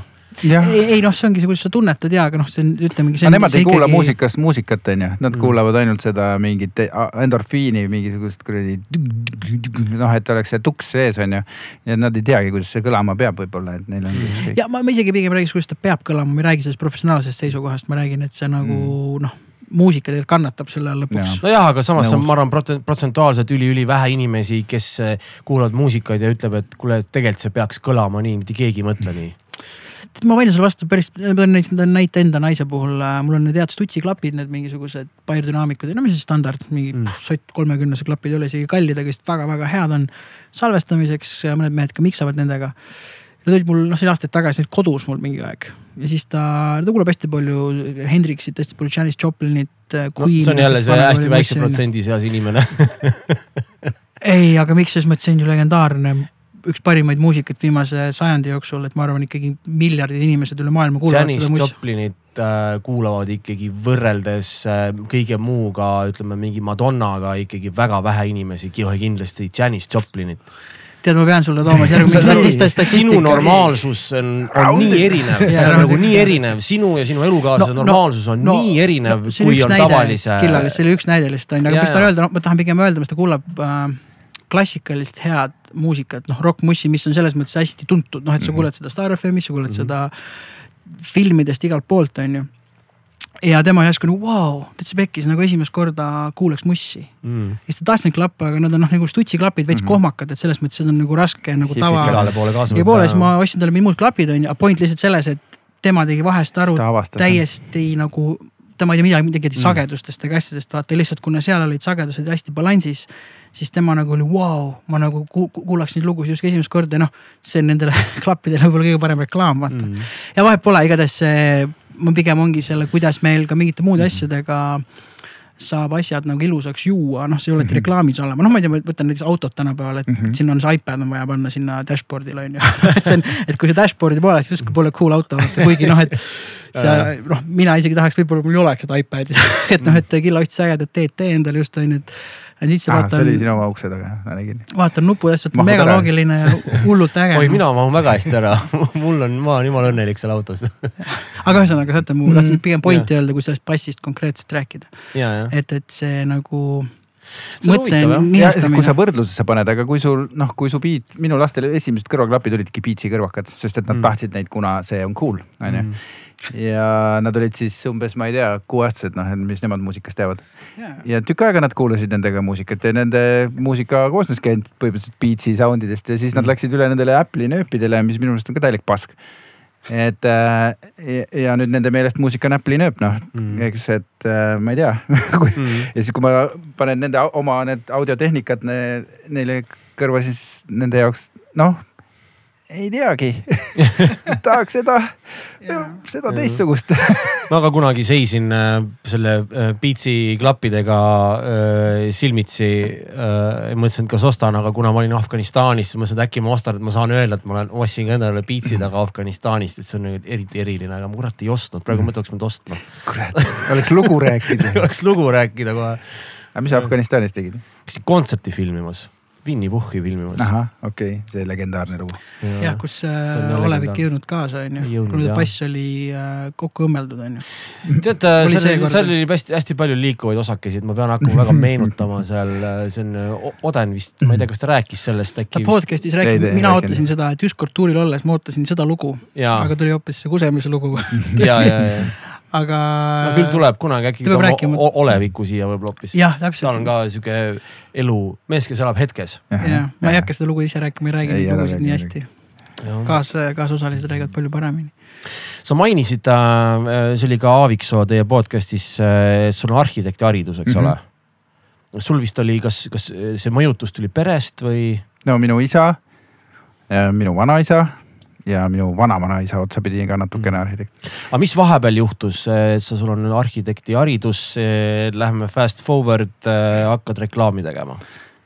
ma sattusin jõle, alustame üldse sellest, et ma otsustasin vist, ma ei tea, kaheksa-aastaselt või üheksa-aastaselt, et minust saab arhitekt keegi mind ei, ei öelnud, et peab saama, aga kuna nägin seda tööd kõrvalt, onju, kuigi, kui saan otsapidi ju mu, muusik ka, onju. Palju õnne, neil oli suur aastapäev jaa, ei, neil oli vägev pidu jah, viiskümmend tegema, kurat, ma ei tea brutaalne, mina sain see aasta viiskümmend ja Mm. kukerpillid said viiskümmend, et me Mm. oleme sama vanad kukerpillidega. et ähm, mina otsustasin arhitektiks hakata ja siis ma programmeerisin terve oma elu nagu kuni ülikoolini välja. kõik asjad, kõik, kõik otsused, mis ma tegin, teadlikud otsused lapsest saati onju. Minna kunstikooli, minna mm, siis Tallinna Ehitusmehaanika Tehnikumi, et saada selgeks nagu ehitus, mitte keskkooli onju Mm. vaid minna tehnikumi, õppida neli aastat tööstus-tsiviilehitust, et õppida joonestama ja kõiki värke on ju ja siis äh, kunstikoolis joonistama, et siis lõppkokkuvõttes kusagil nagu skill'id saavad kokku ja siis ma olengi valmis nii-öelda sinna ülikooli saama, mul oli nagu läbi oma isa, minu vanaisa arhitektuuriteadlane, eks, akadeemik. Et, äh, et noh, nende tase või noh, nagu see oli minu jaoks nagu nii kõrge et äh, kuigi ma tegin eh, juba kaheteistaastaselt, aitasin isal joonestada projekte lahti ja noh, siukseid, siukseid asju, mida ma nagu kuidagi lapsest saadik oskasin teha või mulle meeldis sihuke introvertne tegevus, vaata, ma ei ole mingi eriline seltskonnalõvi, ei torma ringi mm., nokkerdan. ja siis äh, ja siis ma sattusin siis sinna ülikooli on ju, sain sinna plaksti sisse. Siis ma avastasin, et see on kuradi hipide koloonia nagu. ja noh mõtlesin, okei okay,, esimene aasta hea küll, et need kuradi mingid erilised hipid, need kukuvad välja, et võib-olla siis teisel aastal läheb nagu asjaks. ei läinud. siis äh,, siis tuli kolmas aasta, ma oskasin kõike. noh, ma olin lõpetanud äh, tehnikum, mis oli väga sõjaväeline, ainult poiste kursus on ju. kõik oli kuradi nööri mööda, ma oskasin, kui ma tehnikumi lõpetasin, lisaks sellele, et ma oskasin kõrgema kategooria joonestada, ma oskasin ja ma lõpetasingi projekteerijana nii-öelda. aga selle käigus ma olin pidanud ära õpetama kee, keevitamise äh, siis äh, kõik puidutööd, on ju siis krohvimise, müüri ladumise, geo, geodeesia ehk siis maa mõõtmise. Äh, ja veel ma ei oskagi loetleda, mis kuradi imelikke kompetentse, mida ma pidin veel õppima, sest ma, minust pidi saama nii-öelda üks variant projekteerija või teine variant ehitusbrigadir, kes peab tundma kogu oma brigaadi nagu tööasju, eks ju. Ja, ja selgus, et selles kuradi kunstiülikoolis õpetatakse ainult mingit, mingit, mingit täpitamist ja mingit, mingit, ma ei tea, mis asja nagu. mingid jooned, mingi noh, ja siis ja keegi ei viitsi koolis käia, kõik joovad, mis oli minu jaoks hämmastav, sest et tehnikumis meie grupis mitte keegi ei joonud, mitte midagi minu, minu esimene purjusolek oli kolmeteistaastaselt, siis sain aru, et oh, see on väga halb. ja siis järgmine kord, kui ma jõin, oli ülikoolis mm.. et äh, lihtsalt kõik jõid ümberringi onju, et aga okei okay,, ma siis proovin ka onju, mis on siis. -hmm. ja see oli ülisitt ma pidin sundima ennast jooma, aga noh, nüüd see on õnnestunud ja, ja, ja siis äh, ja siis ma olin seal kolm aastat seal ülikoolis ja siis öeldi, et haridussüsteemis toimus väike muutus, et arhitekti algharidust ei saa enam kolme aastaga bakalaureusekraadi, vaid nüüd tuleb õppida neli. et kallid üliõpilased, meil on teile halb uudis, et kui te mõtlesite, et te nüüd teete siin diplomitöö on ju, et siis te peate ühe aasta veel õppima mm.. siis ma olin nagu mine perse, päriselt. ma ei arvestanud sellega, et noh, et nagu noh, ei olnud noor ja nagu äkiline ka et äh, ma ei tea, kelleks ma siis hakkan, onju. aga ma olin ülikooli ajal hakanud kusagil äh, reklaamibüroos vaikselt käima nii-öelda kujundamisel abiks. Ja, ja siis selgus, et ma käisin juba teises kohas paralleelselt, kuna see oli üheksakümne esimene aasta või midagi. Mm.. ja siis ma käisin juba kolmandas, ma töötasin kolmes kohas, käisin ülikoolis. üritasin kuidagi nagu laveerida ja siis ma vaatasin, et äh, Pekki, et kui ma tahan ellu jääda ja nagu natukenegi raha teenida, siis ma pean tegelikult rohkem nagu tööle keskenduma. Ja see oli minu jaoks huvitav mm.. ja ma vahetasin lihtsalt selle, jätsin no, lõpuks nagu diplomitööga nagu läks kuidagi nii, et nagu pff, mm. persse kõik on ju. aga mis sa, mis sa, mis sa kujundamise juures nagu avastasid, et noh, ütleme, sul tuli hästi välja, mis sa nagu avastasid, et äh, ahaa, et tegelikult ähm, et tänu minu tugevale joonestamisele ma tegelikult oskan kujundada. jah, no kuna ma olin ka jo-, noh joonistamises päris hea on ju, täna mm. kindlasti mitte, aga siis ma olin käinud muusikakoolis, eks ju, kunstikoolis igatepidi läbi põimunud muusikast ja kunstist ja arhitektuurist ja üldse lugesin palju. et äh, kõik see kokku. kolmkümmend viis kategooriat Neid kategooriaid tuli seal jah mm., et äh, lõpptulemusena ma leidsin lihtsalt, et mulle meeldib. üks asi veel, mis mulle nagu arhitektuuri puhul hakkas tunduma seal oli veel eri, erinevaid aspekte, esiteks oli väga keeruline aeg üldse ühiskonnas üheksakümnendate algus, kus äh, õppejõududel ei olnud tööd, nad olid äh, nad olid megadepressioonis ja nad elasid seda oma õpilaste peale välja, nad jõid, nad ei tulnud kohale, nad, kui tulid, siis olid vastikud ja ebakonkreetsed onju. et oli ka väga häid, aga noh, oli neid, kes ei olnud head onju. ja siis nad äh, ja see mulle ei meeldinud. ja kuna nad lisaks sellele osaliselt nii häid kui halbu oli minu isa sõpru, keda ma noh, perekondlikult juba teadsin, kuna mu isa õppis mm -hmm. nendega koos või kuidagi oli. siis ma, siis ma ei saanud üldse enam midagi aru, onju, et noh, mis asja nagu, et kui nad meil külas käivad, käisid, kui ma laps olin, siis nad olid ühesugused, nüüd nad on hoopis teistsugused, et kus see kuradi õiglus või õigus üldse mm -hmm. nagu pesitseb, onju.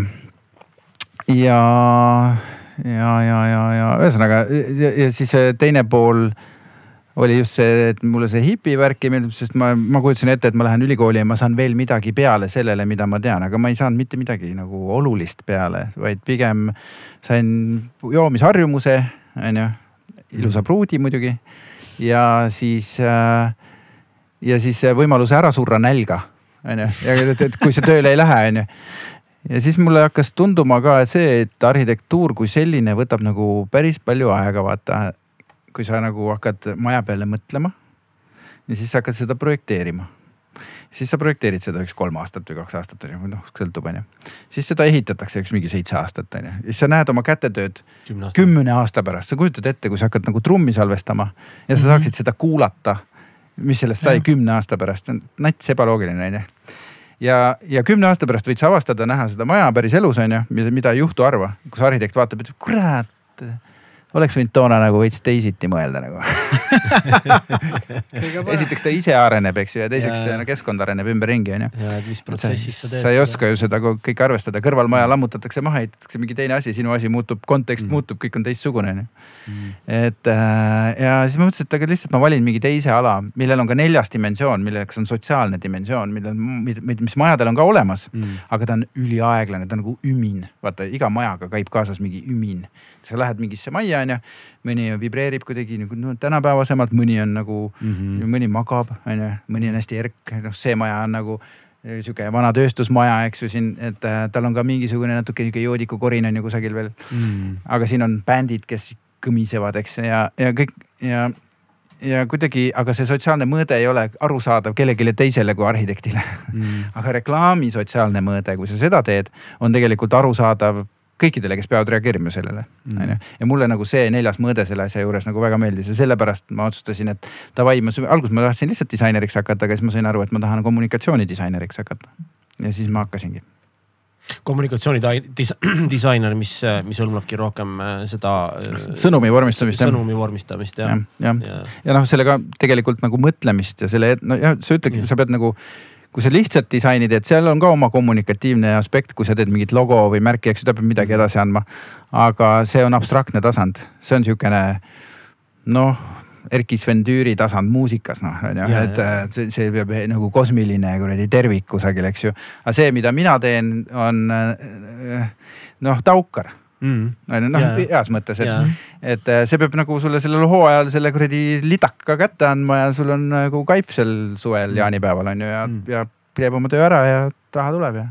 aga kui sa avastasid äh, kui sa avastasid tol hetkel, et äh, ma tahan seda sotsiaalset mõõdet siia juurde ja noh, ütleme aasta.... tagasisidet nagu jah. jah, ütleme nii, et ja avastasid, et okei okay,, et ma hakkan nüüd ise tegema, ma mõtlen, et too aeg, noh, iga aeg võib keeruline olla, et aga mis, mis need esimesed sammud siis nagu sinu kui ettevõtja suunas olid, mis sa siis nagu, kus sa, kas läksid kellegi juurde nõu küsima või tulid, tulid ise millegi peale või kuidas? ma sain tuttavaks äh, Kaur Kenderiga hmm., kes on üsna legendaarne vennik onju. noh, toona oli ta lihtsalt ühes reklaamibüroos copywriter ja kuidagi saime, ta oli just Rakverest Tallinnasse tulnud ja üritas nagu elu korraldada siis ta läks naisest lahku, mina läksin oma ilusast pruudist lahku ja siis lõpptulemusena äh, avastasime, et me elame koos mm. lihtsalt nagu lambist, sest et tal oli mingi korter, ühesõnaga mul ei olnud ka kusagil olla ja. ja siis äh, päris ühes toas ei elanud, aga noh, ütleme naaber tubades, aga lõpptulemusena tähendas see lihtsalt ohjeldamatut joomist äh, mm., igasuguste substantside tarbimist ja väga palju igast kahtlaseid sõpru onju ja ega siis äh, kõik minu tohutu töö tegemine kolmes firmas ja kõik see asi, see jäi väga tahaplaanile, ütleme niimoodi, ma ei tea, millest me oleme, ma tõesti ei tea. Kaur Kender tegi, üritas relvaäri teha ja sellest ei tulnud eriti midagi välja.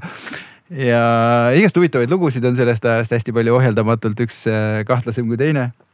noh, mingit pätti otseselt ei teinud, aga me üritasime survive ida nagu mm. -hmm ja need olid väga seiklusrohked ajad ja siis ühel hetkel avastasime, et meil on tegelikult ju nii palju nagu, millest me räägime ja mõtleme ja, ja mõlemad oleme nagu üks on kujundaja, teine copywriter, loogiline, et me võiksime ju midagi siis koos teha, onju. ja meil olid ka mingid väiksed otsad, mille eest me aeg-ajalt saime mingit raha, onju. igale poole jäime rendivõlgu, vabandan tagantjärgi kõigi ees aga mitte minu süü tõttu. Kauri, Kauri ei käigu raha maha.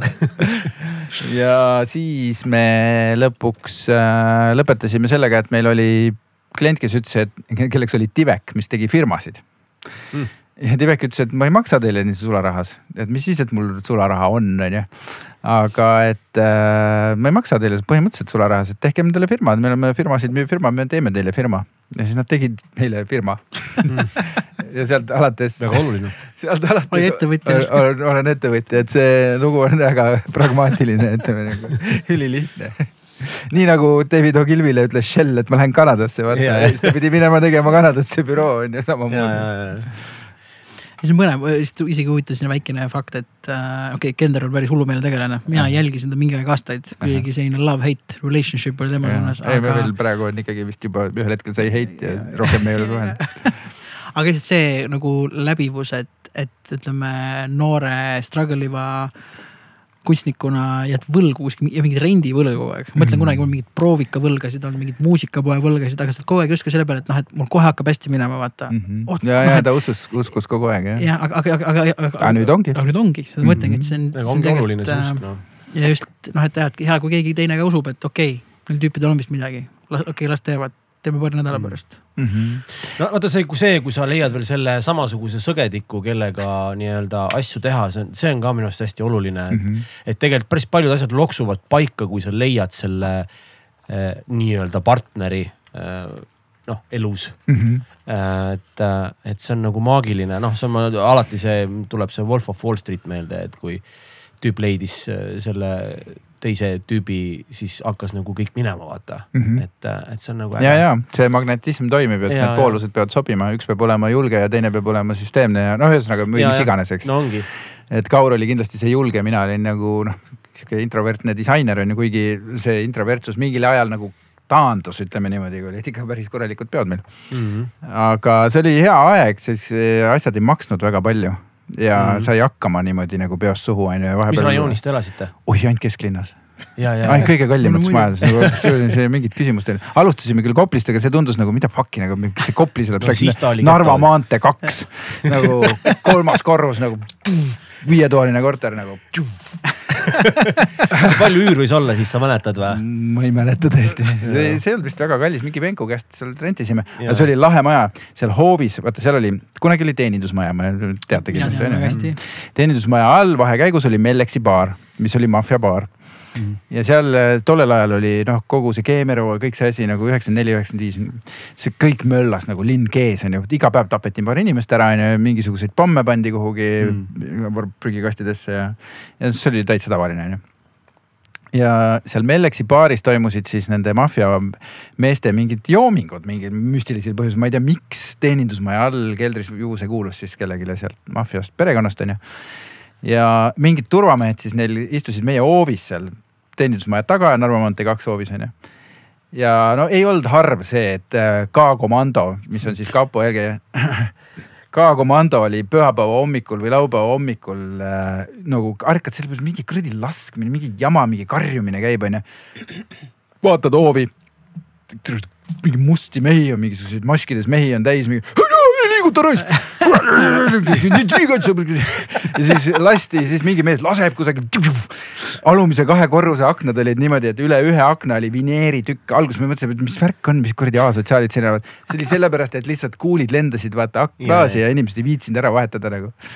ja, ja, ja. meile kolmandale korrusele nagu välja ei ulatunud mm.. hull, see on väga hull, ma tean väga hästi hoovist, mu ema töötas teenindusmajas ja ma tulin koolist kogu aeg, kahekümne esimesest jalutasin sealt hoovist alati sinna ema töö juurde peale kooli oli. päeva ajal oli okei päeval oli väga okei okay., oli natuke kahtlane, said aru, et siin midagi kahtlast on, aga kuidagi kõik oli fine alati.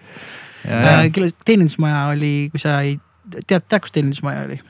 ma arvan, et praegusel hetkel, kui sa viid mind sinna, siis jah, aga Ja ma Tallinki ei tule hotell ette, ei tule nagu. Viru keskuse kõrval. Tallinki hotell, mis on Viru Aa, keskusest üle tee kohe, see on klaasist. ma isegi ei mäleta enam seda, kui Viru, kui Viru keskust ei olnud, see on vahepeal ununeb nii kiiresti. seal oli Ühesõnaga- Marsa peatus suur ja, no ja seal oli mingi putka, nehatu. nehatu. ah.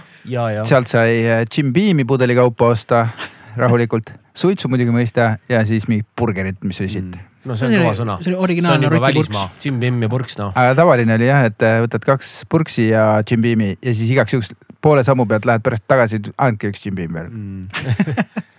aga kui me läheme korraks nüüd natuke sealt samast kohast edasi ju natuke siukseks bio- biograafiliseks läks, aga see on nagu huvitav kuulata.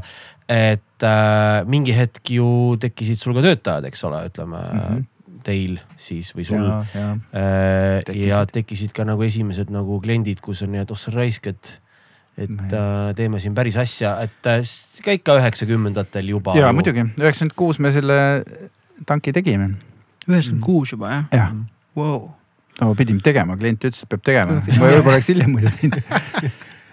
ja noh, see kuidagi läks kõik jube orgaaniliselt, et ma nägin oma mingit äh, vana töökaaslast, kellega ma olin siis ühes firmas, kus ma enne seda olin töötanud äh,. ja ütlesin, et kuule, tule, mul on sekretäri vaja, et või noh, asju korraldama, ma, ma, ma absoluutselt ei suuda ise korraldada oma asju.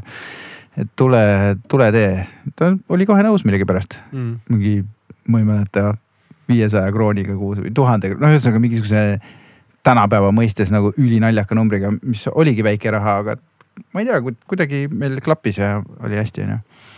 kas ta Ja töötab siis- siiamaani tangis? ei, ta ei tööta, aga küll aga ta on üks nendest inimestest, kellel on tankipere, sest et ta sai oma abikaasaga tankis kokku ja neil on tankilapsed nii-öelda.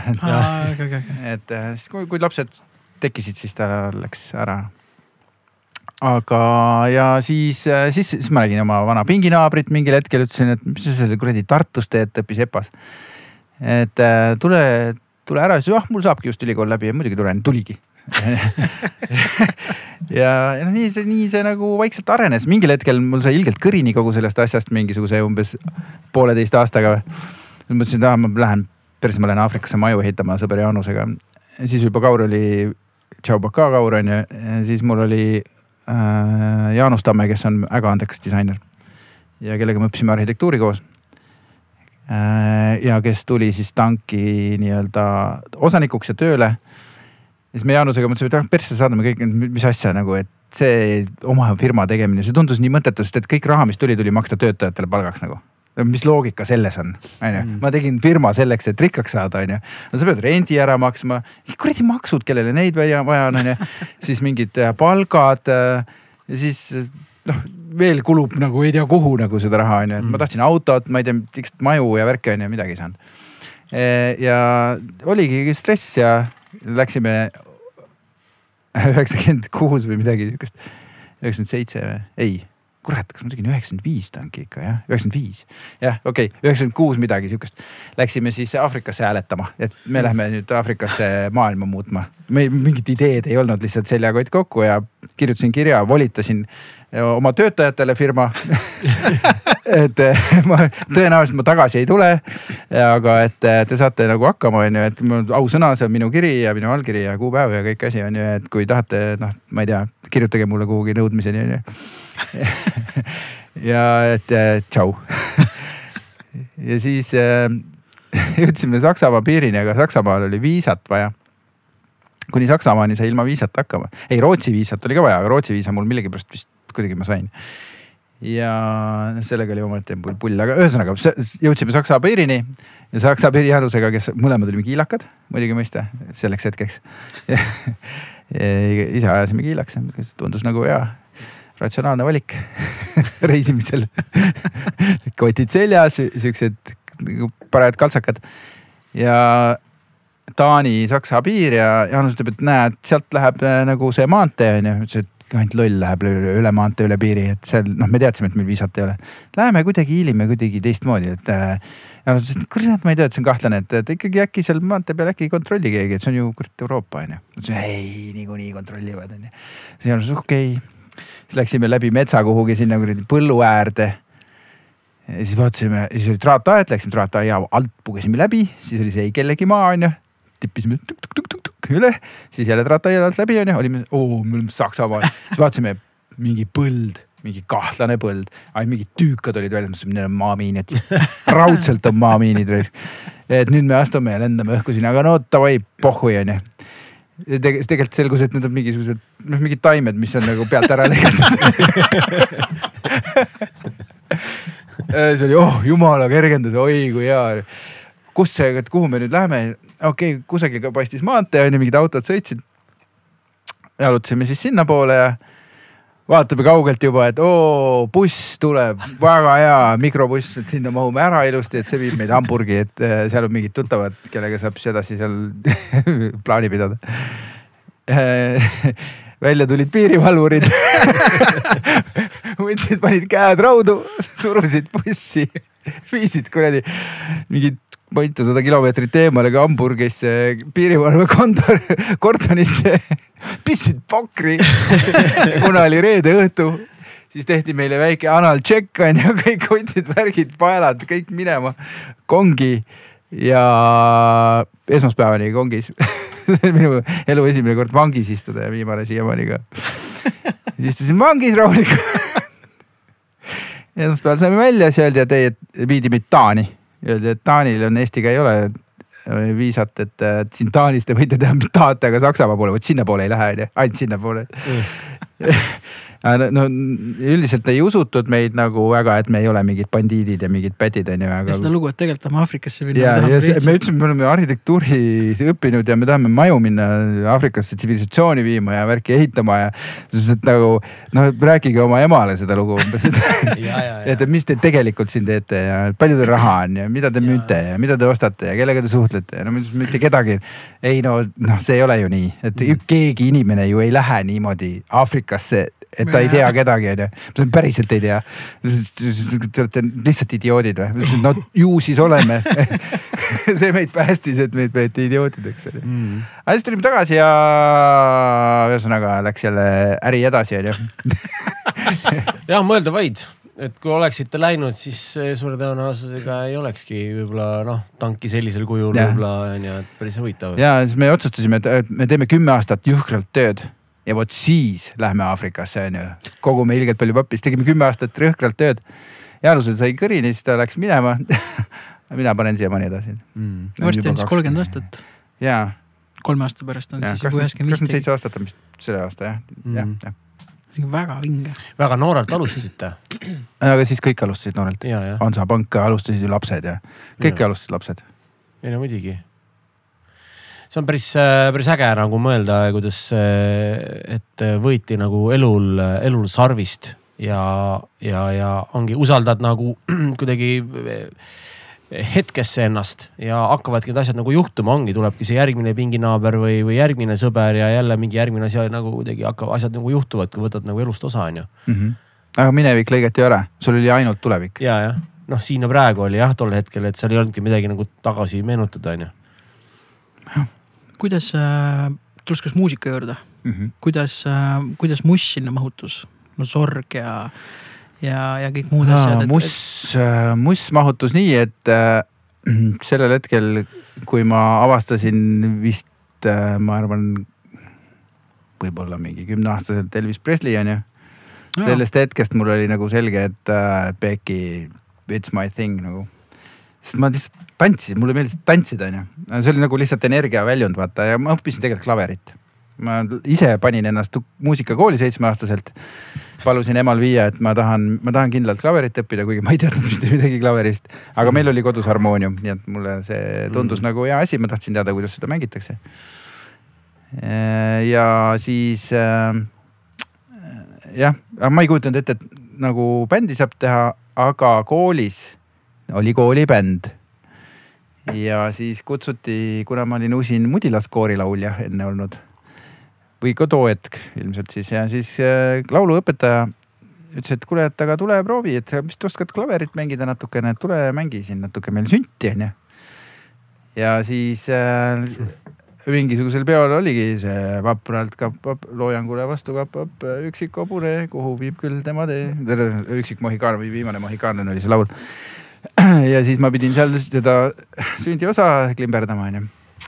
ja siis ma olin esimest korda nagu bändiga laval, vaata. mul oli sihuke tunne, et mine pekki kui cool, ise pobistasin räigelt, no ma olin, värisesin üle kera, mul üldse esinemine on sihuke, et ma võtab ikka ilge tremolo nagu ülesse mm.. ja siis olin seal ja klimberdasin nagu oi kuradi kihvt. ja siit, sealt pealt nagu, siis ma avastasin, et klaver ikkagi ei ole õige asi. hakkasin kodus nagu Lars Ulrich rääkis, et ta peksis kõik oma potid ja pannid ja padjad puruks, mul oli täpselt sama case onju.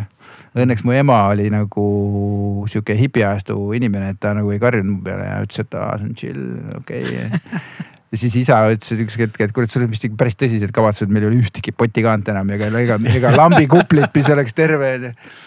Ja siis mind äh, viidi äh, sinna Kullo keskusesse, mis on mingisugune Marja, no ühesõnaga.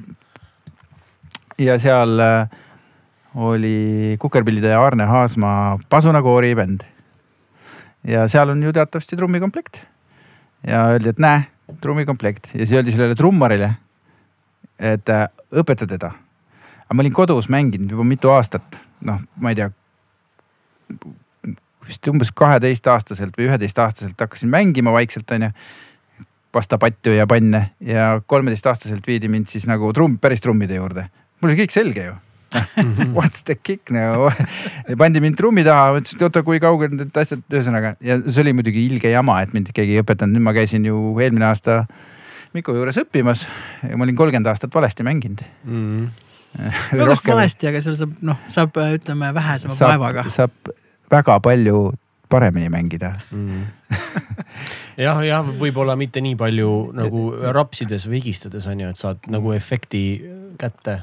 ja, ja muusika sealt, noh, sealt hakkas nagu see, et nüüd on vaja bändi teha ja siis mul vana pinginaaber ja mingid sõbrad ja ühesõnaga tegime Creature, ansambel Creature mis tõusis väga kiiresti, päris kuradi, ühel hetkel avastasin, et ma olen kusagil kuradi Kadrioru jääall, vanas jäähallis, mida enam ammu ei ole, onju. Eh, soojendan siukest Soome bändi nagu Air Dash, mis oli pärast Stonet nagu number kaks bänd Soomes. Speed metali bänd mm ja, ja Stone oli meie kõigi absoluutne iidol, see oli nagu noh, ainuke variant Metallicast, mis on maa peal kehastunud nagu mm. -hmm. et noh, Metallica nagu jumal on ju, siis nagu selle esindaja maa peal on Stone ja Air Dash oli siis nagu Stone kloon, noh põhimõtteliselt ja siis ma, siis ma mõtlesin, mine vittu, kas see käibki nii lihtsalt nagu aga te ise tegite träsa pigem? ja, ja, ja. me just andsime ühe vana loo välja hiljuti, tegime nüüd uuesti sellest ajast. et äh, ja kõva trash mm.. Metallica mõjutused ja kõik. ja, ja. väga äge, meil käis just Anton Must külas siin paar nädalat tagasi. me rääkisime musa business'ist. siis ma just mõtlesin, rääkisime Tiktokist hästi palju ma tean, et Oden pidi ennast siin mingi aeg Tiktokiga hullult kurssi viima Pisi rääkis mulle. aga mis sina ütleme, kui ma paneks hüpoteetilise küsimuse. et Eesti bänd on ju, sul on mingi reaalne budget, no ütleme selline klientuuri budget, kes keskmiselt teie juurde tuleb. noh, ma ei tea, mis iganes, kas see on Saku või kes teil on mm, -hmm. aga see ütleme keskmine budget ähm, kas sa tunneksid, et, et ütleme, hea eelarvega saaks luua sellise totaalse Eesti superstaari kui oleks veel reklaamiagentuuri jõud seal nagu taga või mingi bränding ja mingid kõik asjad. küsisin Liis Lemsalu käest sellesama küsimuse meie poolt Chillit mängis okay. et äh,. sina küsisid Liisi käest? jaa, ma küsisin, et kas äh, on võimalik reklaami abil hea muusika halvaks teha või noh, nagu põhimõtteliselt, kas on võimalik mm. nagu reklaamida nii, et see asi saab kuulsaks, ta ütles, et absoluutselt saab ja tõi mingi näite ka mingisugusest souli laulja, ühesõnaga mingisugusest mm. imelikust asjast. ja et äh, jaa, saab, ma ei tea, kas ma oskaks hmm, mm.. ma arvan, et. tead, see on, äh, seal on mingid omad spetsiifilised asjad, mida siuksed äh, valdavad siuksed äh, Tanel Pandre sugused vennad. noh, ma peaksin tema appi mm. võtma, onju, selles okay. mõttes, et see on okei okay. mm.. aga muidugi saaks, kui Liis Lemsalu ütleb, et saab, siis saab no siis saab. ei, päriselt ka, tegelikult ta tunneb seda ja noh, Sandra, tema mänedžer on ju. Sandra Seersant jah. on ju ka super, super tegelane, et äh, eks nad on nendest asjadest rääkinud ka okei okay,, väga hea ma olen kuulnud sihukest huvitavat äh, sõnapaari äh, internetis nagu äh, noh, parafraseerides, aga üks sõna nimega vastutustundlik on õige, et ehk siis vastutustundlik reklaami tegemine mm. -hmm. ja siis ma seda lugesin seal ja see oli hästi-hästi-hästi nagu lühidalt, aga selles mõttes, et mis, mis see sinu arust nagu tähendab, et äh, sellest jutust tuli välja justkui see, et, et, et justkui äh, me just rääkisime sellest julgusest ja, ja, ja, ja, ja võtta nagu kliendi käsi ja, ja teha seda nagu kuidagi neid julgeid samme, on ju. ja, ja kuidagi paista välja. siis ma hakkasin nagu mõtlema, et kas see mitte nagu kinda ei ole nagu kogu aeg see point ju olnud, lihtsalt nüüd ongi see, et kas see reaalsus vastab tõele. Kas see nüüd läheb nii, nagu me arvasime või me peame natukene kuskil noh järgi andma, et võib-olla see klient nüüd ikkagi noh, ikkagi me ei saa nii julgeid samme mm. -hmm. aga seda justkui reklaamiti, et issand jumal, et see on justkui mingi uudne asi, ma ei tea, tegelikult tundub loogiline, et tegelikult pigem mõeldakse kogu aeg nii, aga lihtsalt justkui keegi ütles selle praegu avalikult välja, aga tegelikult ju kas mm., kas me mitte ei mõtle ju tegelikult alati nii või? Ei, ma arvan, et see, mida sa silmas pead, on vastutustundeline reklaam, on nagu, see puudutab jätkusuutlikkust mm. -hmm. see puudutab energeetik-, noh, ühesõnaga kõike seda, mis on meie ümber, on ju keskkonda. et äh, reklaamitegevus, mis kuidagi arvestab keskkonnaga või noh, ühesõnaga reklaamib neid asju, neid aspekte brändide poolest, mis on jätkusuutlikkusega seotud somehow, on ju. praegu on see trend mm. -hmm. keegi ei osta mingit asja, mis ei ole mingist ookeaniplastikust ja ma ei tea, mis kuradi plätudest tehtud, on ju. et äh, kõik peab olema ju nullenergia ja on ju, nafta jumala eest mitte, on ju, ja, ja ühesõnaga, see on see vastutustundelik mm -hmm. asi, et see on nagu sihuke new trend in advertising, aga see läheb äh, ühel hetkel jälle üle, ärge muretsege. ja, ja.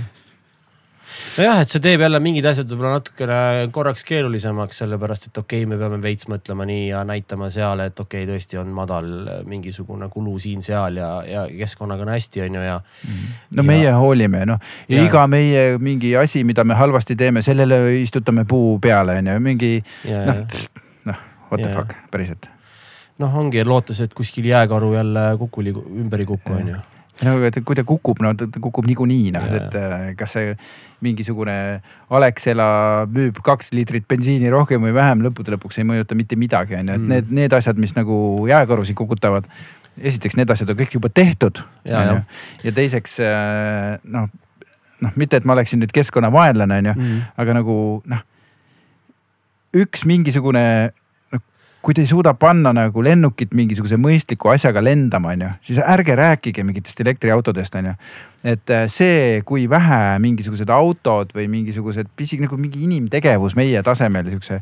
palju see mõjutab nagu, nagu keskkonda köki-möki võrreldes, mida teevad suured ookeanilaevad mm. on ju, mingisugused, kes siinsamas kuradi Tallinna külje all pumpavad või kusagil ilusal mingi Loksa külje all pumpavad mingit kütust edasi-tagasi, mis võiks reostada terve põhjaranniku, mingisugune murdosa sellest, mida nad seal edasi-tagasi pumpavad, on ju mm.. või, või, või mingi lennuk lendab üle, see on mingi kogu Eesti kümne aasta reostus on, mis üks lennuk, on ju, et mm. noh.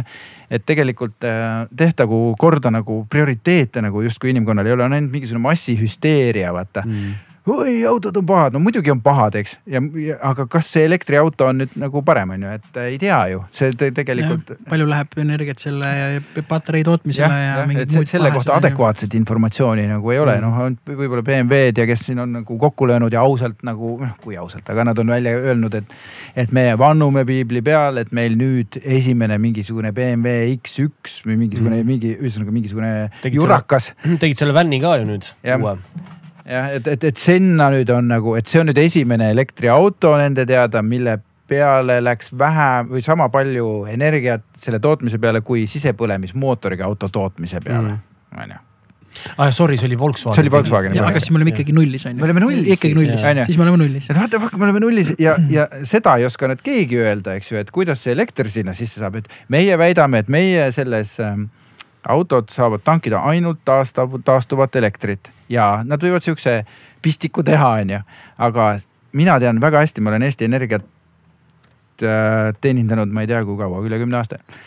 ma tean väga hästi, kuidas käib taastuvenergia arvestus, on ju. kui absurd see on, eks ju, sest et keegi ei saa ju panna molekulile külge, et see on roheline molekul, on ju, ja see tuleb ainult siia, on ju. Mm. see, see, see kõik on üks suur elekter, on ju, mida tehakse juurde või vähemaks ja see on mingid arvestuslikud nagu siuksed äh, piirid, et meil, meile tundus, et siit tuulikust tuli nüüd umbes nii palju rohelist, pannakse kirja. ja siis müüakse sulle nagu kallima elektrina lihtsalt sellest mm -hmm. suurest potist nagu, et äh, võta siit see välja, et sa võtsid nüüd rohelise ja siis sul on nagu justkui südametunnistus parem, tegelikult nagu mm. mida, noh, mida ja. perset nagu päriselt.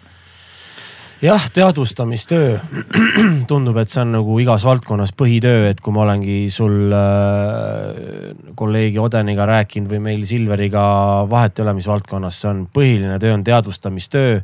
Kinda ennem üldse, kui me saaks asjaga pihta hakata. ennem kui me saaks hakata salvestama, ennem kui me saaks tööd tegema hakata, on vaja teadvustada pikalt. Ja, ja see kriitiline mõtlemine on, on ikka nagu eksootika, et äh, kui see tõuseb, siis arusaamad nagu võiks minna paremaks, aga jah, just täpselt. et see külviaeg on olnud nii pikk, eks ole äh, et see, mida me siin nüüd, mida iganes lõikama hakkame, et tõesti, et see juba on juhtunud mm. -hmm. ja, ja, ja nii-öelda jah, no küsimus on selles, et kas me ei, kui me kohe tegutsema hakkame, kas me saame leevendada. ja ju inimkond nagu teatud mõttes tegutseb, eks, aga ometi lendavad ringi aparaadid mootoritega aastast, mis ei ole muutunud aastast tuhat üheksasada kolmkümmend kaheksa, noh põhimõtteliselt noh, mingi turbopropeller, ma ei tea, noh millal see leiutati. see tegelikult, see, see on ajukas, tegelikult tehnoloogiad on, on olemas igasugused. Mm.. aga neid ei rakendata. Äkki see on kahjulik jälle teistpidi inimestele on ju, äkki lendab õhku midagi või ma ei tea, ühesõnaga mis kuradi jama on ju, et noh, et. Seal on palju absurdi nagu selles asjas või sihukest nagu õnnetuks tegevat äh, nagu sihukest nõutust või mm. nihukest, et jah, võiks tuua äkki paralleeli selle arhitektuuriga, et, et, et, et kui sa lähed Amsterdami, siis sa näed, et Eh, jalgratas on osa liiklusest, see on üks liiklusvahend, neil on omad rajad, autol on omad rajad. tunne nagu, et keegi ei tõsta häältki, kõik toimib ja siis on meil, et tahaks nagu oma Amsterdami teha. Aga infrastruktuur on hoopis teise ideega kavandatud ja nüüd me siis siin maadleme, eks ole, et mhm. katsume nüüd läbi saada, et noh muidugi on keeruline, sest see alguses idee keegi ei mõelnudki jalgratastele. et äh, pole ime, on ju aga noh, mindset, kas sul ei olnud samamoodi, sina vist reisil rääkisid mulle, et sa ei sõida enam jalgrattaga, kuna ohtlik mm -mm. on, on ju? ei, ja selles mõttes, et äh, kui ikka mingi juba kolmas Subaru mees sulle üritab nagu kuradi külje pealt uksega panna, siis nagu ei. vot sellest ei saa aru, noh, see on täiesti. ja need on Subaru mehed, ma ei saa aru, miks mis, mis, mis, ma pole kunagi, mul pole ühtegi Subarut olnud, ma ei ole ühegi Subaruga mingit tegemist teinud, mitte midagi. reklaami teinud Subaru. mul on täiesti neutraalne nagu isegi nagu Subaru tundus mingil hetkel. see on see Joel ju vaata, tere küll ta tegi jumala sita Subaru reklaami, ostsin ka selle mudeli, kaane ära. tekitan ülieluohtlikku olukorda praegu lihtsalt selle pealt mm.. Oh. mõnus kuidas muidu suvi läheb kõige selle, kõige selle tõsise jutu peale ei kurat, suvi on mõnus, mulle mm. õudselt meeldib palav. eriti mulle meeldib, kui päike paistab ja saab kuradi paljaks kiskuda ja päikse ette nagu noh, täiesti lapikuks ajada. see hakkab puhkus kohe on ju, mõnus no.. Teil on kollektiivne puhkus vist on ju? kuu, kuu aega. iga aasta kolm nädalat. no väga aus, augustis tööle ja jah, tõmbad lossi sisse. Siis hakkad vaikselt välja ronima. Sa Eestis äh, puhkad, äh, noh Eesti suvi nii lahe on ju, või kas sa reisid suvel äh, nagu väljaspool Eestit ka? aegade jooksul ikka olen, aga mulle ei meeldi üldse reisida. Mm.. Ma, ma ei saa üldse nendest inimestest aru, kes ütlevad, oi, minu lemmiktegevus on reisimine, mulle meeldib kohal olla. Mm.. aga see tegevus sinna jõudmine, see on nagu kõige värdjam asi, noh mm. eriti nüüd, kui ma kuulen neid juttusid, mis lennujaamades ja, on. ja, ja, ja, ja, ja. Fui noh ma üldse. ma korraks siin mõtlesin, ei tea, kas peaks kuradi septembris Krakowisse äkki autoga minema või, või mis lennujaamades toimub, vaata nagu, et üldse ei viitsiks et kaks päeva fuck you, praegu läks just rage peale ja ma olen kuskil sitases Varssavis on ju mm. -hmm. või noh, nagu vahelend, eks ole no,. et sa never knows äh,, just siin. aga Krakow ei ole väga kaugel ka. ei ole väga kaugel, ma olen, ma olen, ma olen, ma olen varem läinud. seda panevad mehed ühe nagu... jutiga ju seda otsa ka. no põhimõtteliselt ma just nagu... vaatasin Mapsist, ma peast ei mäleta, ta on äh, lõunas, aga ta on täitsa tehtav ots. on enne mägesid.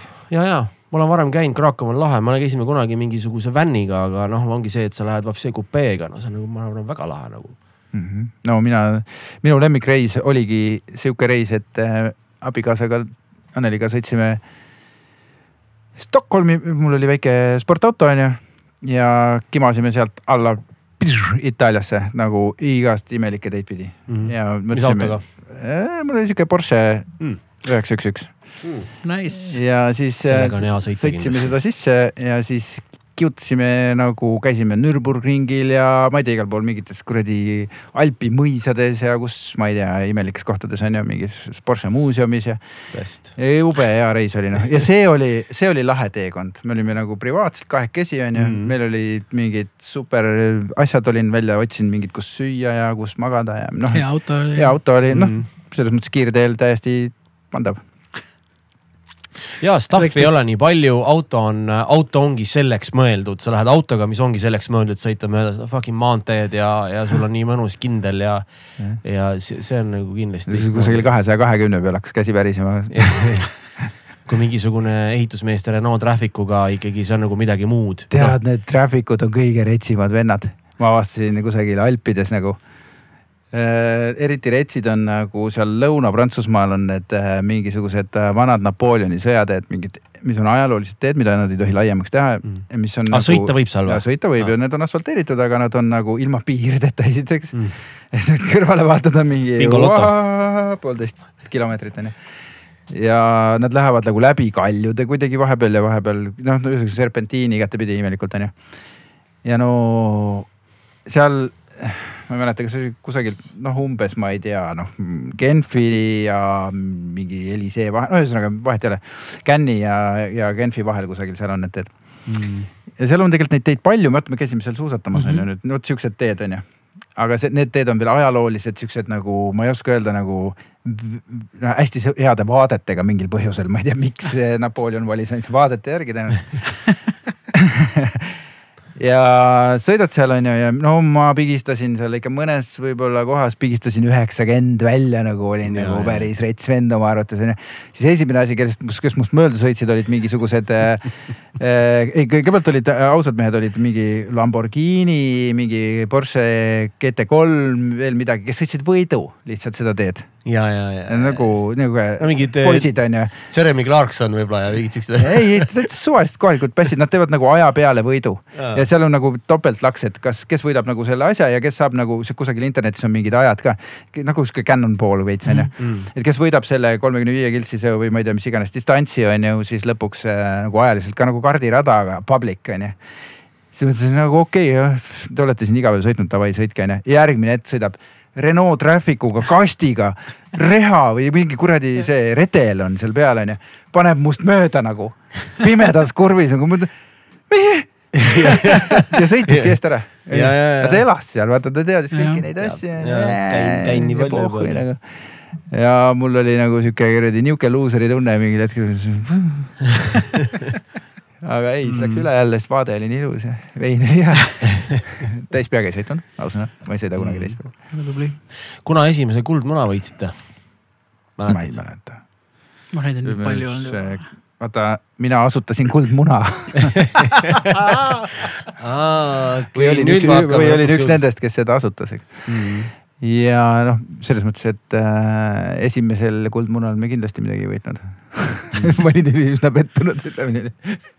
seda ma mäletan, aga vist järgmisel, üheksakümmend kaheksa võib-olla, ma ei tea, ma, ma ei mäleta täpselt. see on äh, huvitav, et, et kuidas äh,, see on kindlasti individuaalne kahtlemata, aga siin me just eelmine saade meil käis üks noor uue kooli kunstnik ja mussimees Dewey, kes võitsid ka siis nüüd nagu musaauhinna onju mm. -hmm. ja, ja nende jaoks see tähendas seda, et, et see oli nagu kinnitus nendele endale, et fuck, ma olen õigel teel, ma mm. -hmm. patsutan endale õlale, et jess onju et äh, tundub loogiline, et ega Kuldmunaga ju sama, et see on nagu kinnitus sellele, et kurat jah, teeme nagu hästi, teeme õiget, õiget stuff'i või noh, me tajume teha õiget äh, stuff'i, sest äh, tulemus on rohkem kui kinnitus, kui see, et no nüüd ma, nüüd on tehtud või nii on ju, et äh, no.. noortele on see väga tähtis. ja, ja noh, minusugusele vanale perule, ausalt. minu vanused kõik on suuremas osas lahkunud sellest ärist juba, eks mm. -hmm. aga noh, mingi ütleme käputäis veel on, kellega siis omal ajal nagu kasvõi koos sai, või samal ajal sai alustatud, onju. et äh, noh, hea meel on ikka au, auhinda saada, aga mul on alati hea meel selle üle, et äh, ma ei noh, ma ise üritan ennast nii ära taandada sealt nagu, et, et need noored, nooremad minust kõvasti, eks ju mm. -hmm. et nemad saavad ja siis noh, see on hästi lahe ja, ja kui nad selle päris ausalt saavadki oma nagu selle idee eest, mis neil oli ja see on, see on noh mm, -hmm. siis on mul hea meel yeah,. Yeah. ise ma nagu mul, mul, mulle ei meeldi laval käia nagu mingit auhinda vastu võtmas, mulle meeldib esinemas käia, siis mitte ka mitte esireas, vaid ja, tagareas on ju. et äh, ma ei ole see rambivalguse vend. aga kuidas äh, näiteks äh, ütleme, reklaamiagentuurid äh, noh nüüd juba te, me siin räägime pea kolmkümmend aastat siin on ju tehakse värgid-särgid arenetakse ja neid on veel ja veel on ju ja loomulikult äh, üks hea reklaamiagentuur äh, vajab ka head produktsioonifirmat, kellega nagu reklaami teha, on ju. Mhm. mis sina arvad äh, praeguse, ütleme meie produktsioonifirmadest, noh, et ma ei tea, kelle, kas te teete, teete Getshot'iga või, või kellega, kas ütleme koos? igasugustega. igasugustega, et selles mõttes, et valida nagu on ja tegelikult on väga professionaalne. noh, kui sul on raha, siis professionaalsus on ostetav, eks aga kui sul ei ole raha, siis seal on niisugune raske koht. Mm.. kliendid, klientidel millegipärast tavaliselt ei ole raha. Mm. ma ei tea, miks. kuigi neil tegelikult on. Mm. aga nad hoiavad seda millegipärast endale. Ma ei tea, miks. Aga ja seal on mingisugune, vot alati mingi sweet spot on ju, et kus, kus on nagu asi enam-vähem paigas on ju, et täna, täna on päris keeruline koht, kõik sisend kulud on päris suured mm. kõigil. aga seda tulu nagu peale äh, ei taha väga, väga, väga tulla. ja see on igas valdkonnas nii. see ei ole mitte ainult nagu loomemaa valdkonnas või muusikas või kus iganes on ju, et see on, see on täpselt samamoodi igasugustes ma ei tea, õllebusiness'is, taksobusiness'is on ju igal pool, inimesed ei ole veel harjunud sellega, et tegelikult kõik on nagu sitaks palju kallimaks läinud, on ju. ja siis mm. nüüd vaikselt kõik kruvivad seda nagu ja kes närvilisemad, kellel on nagu rohkem jõudu, see kerib kiiremini, mingid telkod noh. lihtsalt keeravad nagu nüüd on nii ja kõik mingi pekki on ju mm.. ja, ja mis Selver mm. see on, see on ajuvaba. see, ma ei tea, kas te võrdlete oma ostutšekke mingitel aegadel või? Äh, ma nagu väga ei võrdle, sest mul ei ole väga palju stuff'i ehk siis nagu no, lapsi ja pere ümber, et ostad nagu hästi palju pigem endale. aga kui sa söömas väljas näiteks käid? Ah, jaa, on küll vahe jaa. risoto maksab viisteist euri, see on juba nii, et äh, tere, see peab olema kas see peab nagu, ikka megarisoto. see peab olema megarisoto olema nagu. see on ikka maailmatase. aga noh, Selveris ma käin, noh, kuna ma käin ju suhteliselt harva, mul Anneli käib nagu igapäevaselt onju. aga mul ongi väga hea võrdluse moment, vaata teda keedetakse aeglaselt, ta ei pane tähele onju kui ma eelmine kord käin ja mul on arve viiskümmend euri ja nüüd on umbes samade asjade eest sada kakskümmend, noh siis midagi on ikka mm. totally wrong nagu mm. -hmm. ja nad ongi vist ilmselt kõige jõhkramad vereimejad ongi nagu need supermarketid yeah.. aga jaa, ühesõnaga jõudsime rahani kuidagi otsa. et äh, jaa, produktsioon on sama asi, et äh, et eks ta läheb kallimaks ja, ja on vaja nagu noh, on vaja aru saada, et tegelikult kui on hea asi, et siis see maksabki raha yeah,. aga seda, seda muidugi väga raske selgitada mingitele. vaata meie, meie valdkonna üks eripära on see, et inimesed töötavad, ütleme kliendi pool. kui tegijate pool töötavad inimesed nagu võib-olla kakskümmend seitse aastat on ju või kümme aastat ei ole noh, me noh, normaalne mm., viis aastat, siis kliendi pool, ega väga harva keskmine tööaeg, mis kunagi öeldi välja kusagil, ma ei tea, mingis meediakanalis oli poolteist aastat. on nagu ühe kliendi juures üks mingi inimene on ju, poolteist aastat. mida ta selle ajaga, ta ei jõua kuradi sissegi elada, on ju. et äh, üks tsükkel on aasta umbes, et sa saad aru, mis toimuma hakkab ja siis hakkad alles nagu tegelikult mm. nii-öelda päriselt nagu väärtust looma. et äh, sihukese, mida, mida ma seletan mm -hmm. sellele inimesele, no see on, see on nii nagu sina hakkaksid rääkima äh, Äh, Joelile, kes hakkas kodus panne peksma, onju, ja on poolteist aastat panne peksnud, onju. ja praegu sina hakkaksid sellele poisile seletama nagu soolotrummi sound'i nüansist, mingist kuradi valatud rimmist, no ma ei tea, mis iganes yeah. asjast onju, et, et see noh, ahah. ma ei ole trummigi näinud, kurat võtaks noh yeah.. aga rääkides, mis on ju tegelikult põhi nagu asi, et mainisid jälle see väärtuse toomine onju äh, noh, tundub, et olenemata ajast ja majanduslikust olukorrast ja kõigest sellest, et leida inimesi, kes tõesti toovad väärtust, on ilmselt kogu aeg keeruline, onju. aga kas saab öelda, et praegu on näiteks eriti keeruline mingil põhjusel või? ei saa öelda mm.? ma, ma ei tea, ma arvan, et äh, väärtuse loomine või tekitamine on igal juhul raske, see on ju, ju mingisugune, mingis mõttes nagu eh, noh, ma ei hakka nüüd füüsikasse minema, eks mm. -hmm. võime vabalt aga, minna. aga termodünaamika eh, teine seadus, eks räägib entroopiast, räägib sellest, et, et eh, segadus kinnises süsteemis on ainult kasvav. noh, põhimõtteliselt mm, -hmm. et kui sa nagu kuradi noh, põhimõtteliselt laias laastus universumis hambapastast ajad nagu tuubist selle hambapasta välja, siis seda sinna tagasi on pagana raske saada, kui mitte võimatu, on ju, sellisel kujul nagu ta seal oli. selleks peavad liiga palju asjad õigesti minema, et need molekulid kõik nagu täpselt no nagu tagasi tõmbuksid. nagu Christopher Nolani filmid mm. -hmm. jah, et, et, et sellega on oota, kust me minema hakkasime nüüd? Äh, et kuidas väärtust luua ah,. jah, jah, et väärtuse loomine on selle entroopia vastu võitlemine. Vaata, väärtus mm -hmm. korrastab, noh, ta tekitab mingit süsteemi mm, -hmm. aga kui kogu universum laguneb ümberringi, on ju, mhm. siis igal juhul äh, mingit kontseptsiooni luua, lugu tekitada, midagi filmida, midagi kirjutada või midagi, midagi kasvõi äriliselt teha, eks mingi mm -hmm. äpp kokku panna, on ju, on ju kogu uni-, maja ehitada see on ju kogu universumi loomuliku liikumise vastassuunas liikumine mm. -hmm. sa korrastad seda, on ju, sa tekitad midagi, on ju, ja see ongi looming, on ju, mm. ja see ongi väärtusloome, on ju, laias mm. laastus. ehk siis mädanemise vastane protsess, on ju, et ja, ja noh, me elame ju erakordselt mürgises keskkonnas ka, hapnik on ju, kõige universumi kõige mürgisem substants, mis, mille sees kõik ained, välja arvatud kuld, surevad koheselt, on ju mm..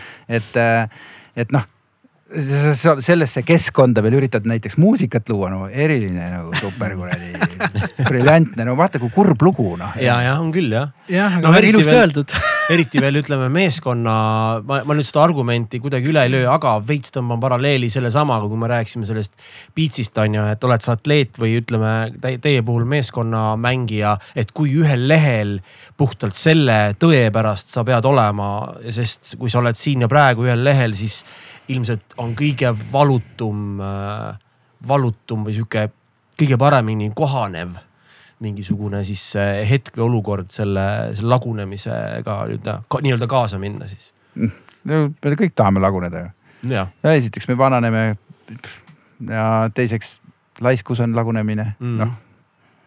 no ma mõtlen näiteks seda, et et äh, ma ei tea, ütleme, et on koosolek, on ju, inim-, mm. ütleme, inimesed tulevad kokku, on ju, me hakkame nüüd siin asja tegema ja siis tuleb mm. sul on see siis projektijuht, on ju, tuleb inimene ette ja nii, nüüd me hakkame tegema midagi ülitähtsat, on ju. ja nüüd kõik inimesed peavad aru saama, et fucking hell, see on tõesti üliülitähtis ja ma peaks oma musta pesu koju jätma, sest see, siin ja praegu see ei ole absoluutselt oluline, et mul on mingi issue nagu fuck that nagu, et noh, et kui me oleme, noh, ma ei tea, jälle Wolf of Wall Street, et oli olukord, kus äh, mingi tüüp äh, hakkas akvaariumit Äh, kontoris puhastama. tüübid vaatasid, et tule, mida sa teed, me oleme siia raha tulnud tegema, tõmba nahhui nagu oma kikilipsuga vaata. mitte, et nii peaks lähenema, aga see, et see ühel lehel olemine, vahet ei ole, kui sa teed Coopi kõige lahedamat ja kõige ägedamat ja kõige sinisemat reklaami, on ju.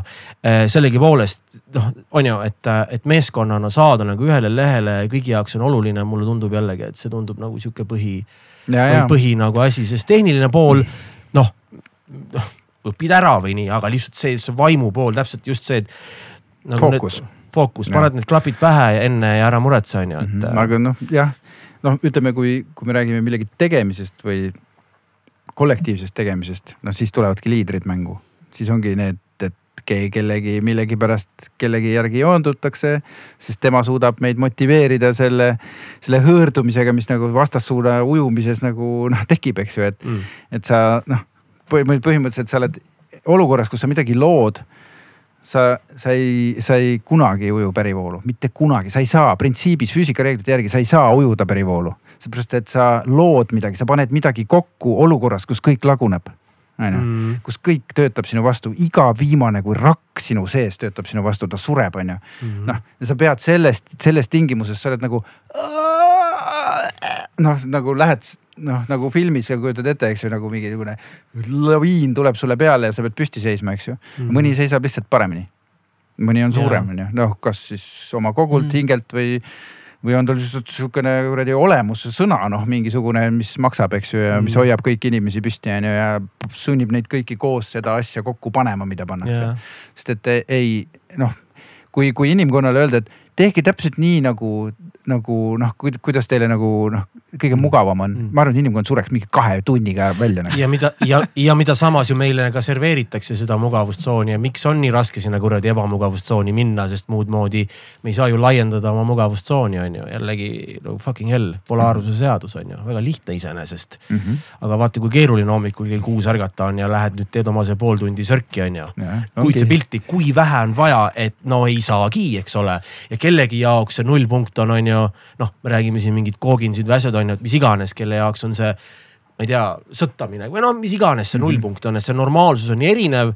ja minu arust üks suur asi ühiskonnas on see, et, et kõik arvavad, et see normaalsus on üks ja kõik inimesed on ühtemoodi normaalsed. tegelikult inimestel ja paljudel inimestel on väga erinev normaalsus. et eh, Joeli normaalsus on mõne inimese jaoks, jesus christ, sa oled sõge peast mm, -hmm. sa oled mingi psühho noh, saad aru, et, et True. ja, ja ilma ei saa, kui sa iga päev oma normaalsust ei tõsta, ilma sa ei, ma arvan, et sa ei juhi ühtegi kuradi ettevõtet, kui sa iga, iga, iga päev oma normaalsust, mis iganes iga päev on ta kuu või aasta, ei tõsta. ja ei noh, mis mina olen ülilaisk inimene aga mind ümbritsevad ülihead inimesed, mul on, ma ei tea, miks. Ma, ma olen selle peale korduvalt mõelnud, ma ei ole suutnud välja mõelda, mul on nii räigelt vedanud. no sa oled äh, heal sagedusel, juba see, kuidas sa alustasid oma selle, kuidas sa seda elu elama hakkasid ja vastu võtsid, et sa oled täpselt nii õigel sagedusel ja seal avanevad need uksed, need inimesed ja ei olegi muud noh. selles mõttes, et ma ei ole sageduse peale niimoodi ei ole mõelnud. Võng, võbele samamoodi edasi. Võngu, võngu samamoodi edasi. hammi edasi. hea beat on sul äh, Jaa. tuksumas. Money beat on käinud. Moneybeat Moneybeat on see, et ma ei mõtle rahale ausalt öeldes liiga palju elus Mm. ainult siis, kui tundub, et nüüd hakkab kõik otsa saama, siis ma lähen paanikasse nagu. aga ja ei, noh, issand jumal. Need inimesed, kes minu ajal alustasid mingite äridega, kuradi. Nendel inimestel on mingid impeeriumid ehitatud, sajad ettevõtted, mingid, ma ei tea, mis kuradi elavad kuradi liftidega, eramajades sõidavad Ferraridega no,. jumala savi ausalt öeldes selles mõttes, et ma saan nagu kuidagi hakkama Mm. pere on nagu okei okay,, onju. inimesed, kes minuga koos töötavad, ei kurda, et nad nagu oleksid päris nagu näljapalgal onju ja ära ei jookse, noh Mm. äh, ma ise ei, tegelikult ei juhi rahaasju üldse, noh selleks on ja üldse nagu noh, nii-öelda protsesside juhtimiseks on hoopis teised inimesed, kes on nagu minust väga palju paremad nendes, nendes asjades. et äh, et ma lihtsalt hängin nagu kaasas vaata lahedate tüüpidega, kes teevad jumala lahedaid asju, mida ma ilgelt kaifin. ja siis äh, mul on noh, nii tore, siis mm. Mul oli sünnipäev ja mulle kingiti kuradi maal, Kaido Ole maal, Kaido olen elus joonistanud, maalinud ainult kaks maali tellimuse peale, ühe presidendile kunagi. et ja teise nüüd mulle ja nagu mulle spetsiaalselt, ma olin nagu, mida fuck, noh kuulge sõbrad nagu noh. Noh, miks te ja siis saad aru, et nagu noh, kurat, kui lahedad tüübid või noh, kui palju nad pidid vaeva nägema, et Kaido Ole, kes on nagu elus olevatest kunstnikest Eestis noh, kõige legendaarsem või nagu, nagu ütleme, kõige hinnatum. kui, kui palju varem nad hakkasid pihta selle organiseerimisega, et sealt tekiks üldse mingisugune idee, et sealt tekiks mingisugune narratiiv, mingi maal, mis, mis vormistuks lõpuks mingiks asjaks, mille üle ka Kaido Ole ise oleks uhke ja mida ta oleks nõus mis see kõik, noh ühesõnaga ma ei kujuta ette nagu ma ütlesin peast kinni, ma lihtsalt kas nuta või naera või mine Mm. hulluks lihtsalt onju. ja, ja kõik nad kuradid hoidsid seda saladust noh, minu eest onju, et nad mingi minu selja taga orgunnisid mingit, mul oleks elu sees ei oleks. kuule ärge noh, mille noh. noh, see räägib rohkem kui tuhat sõna, kui miljon sõna. teistpidi ma olin nagu noh, Fucking äge. fucking äge nagu no, nii ägedad tüübid vaata nagu noh Mhm. suudavad siukest asja nagu teha. ma, ma noh surmani noh, selles mõttes ma mõtlesin, et nüüd ma võingi ära surra nagu selles mõttes, et ega Mm. tänutunne on nii võimas jah. kuidas on, meil on need huvitavad küsimused veel, ah sa raisk. lihtsad küsimused, väga lihtsad. nii, sellised elementaarsed. elementaarsed. väga siuksed olmelised. noh, näiteks kui sa saaksid teha koostööd kellega iganes, siis kes see võiks olla, vahet ei ole, kas elavad või surnud. Stephen Hawkinguga. Mm. äh, lihtsalt mulle tundub, et ma, ma, ma ei, ma ei, küll ei kujuta ette, mida ma temaga siis nagu see füüsik. Et mida ma temaga üldse küsiksin, julgeksin üldse piiksu teha seal toas, kus ta oleks, aga, aga ma tahaks temaga teha mingit äh, äh, nagu oma valdkonna tööd. Mm.. Nii et, et tema on tegelikult ainuke füüsik maailmas, kes on suutnud füüsikat reklaamida nii, et see kõigile meeldib ja on arusaadav, onju. ta noh, ta võttiski oma elu tööks. põhimõtteliselt nagu füüsika lahti seletamise ja kõige keerulisem osa füüsikast, elementaarosakesed ja kosmoloogia onju ja ma tahaks teda kuidagi, kuidagi panna nagu mingisse teise konteksti, tõsta ta sellest kuradi kosmosest, mustadest aukudest ja mingitest eh, miniosakestest nagu välja. ja tõmmata ta kuidagi natukene mingisuguse, kasvõi, kasvõi mingi jah, tegevuslik asi, aga nagu, et see oleks kommunikatsioon somehow, et äh, Mm. Äh, see oleks päris huvitav, kas või ma ei tea, laulu laulma no, mida, mida iganes, et, et seal oleks mingi teine nagu teema, et mm. ta, ta on väga-väga lahe tüüp, aga noh, eks neid surnuid tüüpe, kellega võiks igast asju teha nii räigelt palju onju. elus, elusate tüüpidega natuke raskem. sest et mul ei püsi nimed meeles et ma võiks ju. aga kuidas sulle, ma mõtlen, äh, kuulda on, et sul on füüsika ka hästi tugev, kas see oli sul, kas sa said seda koolis või sa õppisid seda juurde puhtalt huvist või? et noh, ütleme, kui me räägime sellest reklaamist, et see on jälle nagu niimoodi, et valid valdkonna ja vaatled seda valdkonna nüüd erinevate mm -hmm. teaduskraadide läbi on ju. tead, ma loen jõhkralt palju. ma loen aastas kümneid raamatuid ja võib-olla, ma ei tea, sadat ei loe, aga ja kuulan ja, ja. kümneid ka, et äh, ja mind lihtsalt mingitel hetkedel mingid teemad nagu räigelt huvitavad on ju, siis ma lähen mm. kaunis tiibiks. unustan muidugi kõik, kõik detailid ära, aga nagu üldine mingi, mingisugune kuma jääb alles ja kui ma mm. tahan millessegi tagasi süveneda, siis ma tean, kuhu ma pean minema nagu mm.. Ja ma olen eluaeg räige ulmekirjanduse fänn olnud, et äh, noh, ma loen kogu aeg paralleelselt mitmeid ulmeraamatuid ja tavalisi ilukirjanduslikke raamatuid ja elulugusid mm -hmm. ka, aga, aga ulme on mind eriliselt kuidagi köitnud ja mm -hmm. fantaasia nagu no vot, sa oled hea, hea liider, kellel õppimisindeks on kogu aeg saja peal valmis õppima, vaata et.... see on lihtsalt patoloogiline uudishimu äh, mina alustan, sina lõpetad. Ükskord töö juures. Ossa vana, ükskord töö juures või mm.? mm töö juures mul ei juhtugi midagi väga nagu aa, ükskord töö juures ma võtsin endale naise, seepärast et äh, minu sekretärist sai minu naine. okei, juhtub küll no,. päris äh, elumuutev kogemus ja noh, mis ma siin hängin ringi lahedate inimestega, onju. Äh, aga kõige hullem nõuanne ai, jällegi hea küsimus. et mida ma saaksin anda inimestele või? no mis sulle on antud? mis on võib-olla tihtipeale sihukestel loojatel võib-olla sihuke edasiviiva jõuna tihtipeale, et see on sihuke huvitav alati küsida, et mis see hull, kõige hullem nõuanne. tead, äh, ma, ma, minu, minu käest on seda selles mõttes halb küsida, et ma unustan kõik halva ära, nagu kõik mm.. et äh, mul ei jää halvad asjad ja isegi head asjad tihtipeale ei jää, sest et äh, ma kogu aeg, ma olen nagu mingi kuradi kontrollimatu nagu masin vaata enda meelest onju. kas ma mõtlen, tegelikult kindlasti on keegi mingi mingisuguse halva nõuande mulle andnud äh,. aga, aga kurat ma pean selle peale mõtlema, ma, ma saadan äh, pärast teile selle SMS-i me paneme, me paneme kirjeldusse. ja kirjelduse, kõige halvem nõuanne on mm. jah, tõenäoliselt on see midagi sihukest, et nagu midagi, et äh, kahetse või, või, või midagi sihukest, noh, et, et oli ju halb tegu nagu või ma ei tea, mingi kooliga seoses mingisugune mm., et äh, et sa ei oleks pidanud seda tegema, mis mõttes nagu, kuidas ma selle kogemuse oleks saanud, kui ma ei oleks seda pidanud tegema? jah, no ütleme või siis teine levinud on see, et äh, sa ei ole normaalne näiteks. aga kõige parem nõuanne? parem nõuanne on see, et ära karda eksida noh et ja, see on nagu õudselt universaalne ja ma arvan, et väga paljud ütlevad, aga tegelikult see on ilgelt tõsi. muidugi on. et äh, kui sa ei proovi, sa ei saa teada ja kui sa nagu ei, ei eksi, siis, siis sul jääbki tunne, et sul on alati õigus et sa pead ka nagu eksima selleks, et aru Mhm. saada, et kellelgi teisel võib ka õigus olla, on ju, see on muidugi õudne jamps vahest on ju, solvud ära on Mhm. ju. aga, aga tegelikult on jumala normaalne ja peadki eksima, sest muidu sa ei õpi. jah, no klišeedega ongi see, et klišeed alati töötavad, eks ta ongi see, et enamus inimesed, ütleme, enamus inimestele meeldib neid öelda väga vähesed mm -hmm. nagu kasutavad või rakendavad, on ju.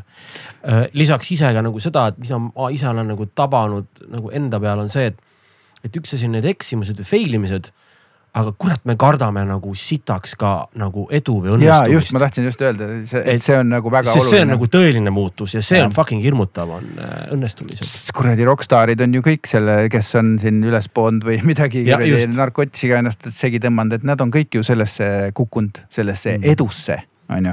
seepärast, et nad lihtsalt enam ei suuda handle ida seda Mm. tähelepanu, seda tohutut äh, nagu koormust, eks ju, mis sellega kaasas käib Mm. ja seda vastutust ennekõike Mm. on ju, mis miljonid, sa ühel hetkel saad aru, et mind kuulavad kümned miljonid inimesed. Mm. What the fuck? ja peavad sind Siis- jumalaks on ju. jah, ja siis lõpuks oledki peast Britney Spears noh. ja, jah, no just. mis on esimene asi, mis sa hommikul teed? Äh, Lähen ja kusen. mul oli täpselt sama aus, reaalselt esimene asi, kui, kui lihtsalt sa juba ei ole isegi voodist jalga välja tõstnud, Kinda on esimene asi vist küll ikkagi põiku kohe noh. Äh, lemmik jalanõu läbi aegade? Äh, ma arvan, et ongi mingi, no sa mõtled nagu tüübi see, või margi seisukohalt või? no ütleme tüüp Mulle- kui jalanõu. noh, Aga mulle, mulle meeldisid Adidase rokkstaarsid nagu väga. Sa mõtled Superstar äkki? või Superstar jah ja. või mis kuradi, mul oli üks oli mingi Superstari Rockstarsi versioon vist. aga ei, need olid nagu jube mugav, ma ei tea, miks mul praegu neid ei ole, ma kandsin mitu paari lõhki ja siis ma millegipärast mul on ka see üks lemmikuid, mul, ma isegi sain ühe paari neid just vanakooli Superstaare, vahepeal läksid nad maru disainiks, aga ja, ja, nüüd on äh, ja mulle ka mingi samps naha, vot siis mulle nagu ei meeldinud. mm, tagumik või rinnad. ikkagi rinnad, ma pean ütlema.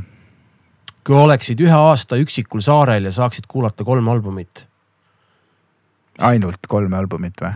kahjuks kolm jah. ma siin olen nagu. see Mussiga, need on alati need nii, need on nii Okei, keerulised okei. ja tüütud küsimused, aga üks oleks mõni Jocelyn Puki album, mis iganes, tal on neid vähe mm. äh, väga kihvt, ta on klassikalise muusika helilooja, aga ta teeb hästi palju filmimuusikat, näiteks see Masked Balli või see, mis see Eyes Wide Shut'i see põhilugu mm Mhm. -hmm. on tema lugu on ju näiteks. see on väga-väga hästi mitmekihiline ja seal on, kuna ta teeb filmile ka, seal on alati plaadi peal on mõni filmilugu ka, aga need on hästi-hästi nagu sügavad on ju, see on üks-üks Mm. teine oleks kindlasti midagi, kas Jimi Hendrixilt või mingi sihukene, mis oleks sihuke äh, see sihuke meanwhile world, world, kus ei olnud veel kujunenud välja nagu seda, mida me täna nimetame siin rokiks ja heviks on ju. Mm.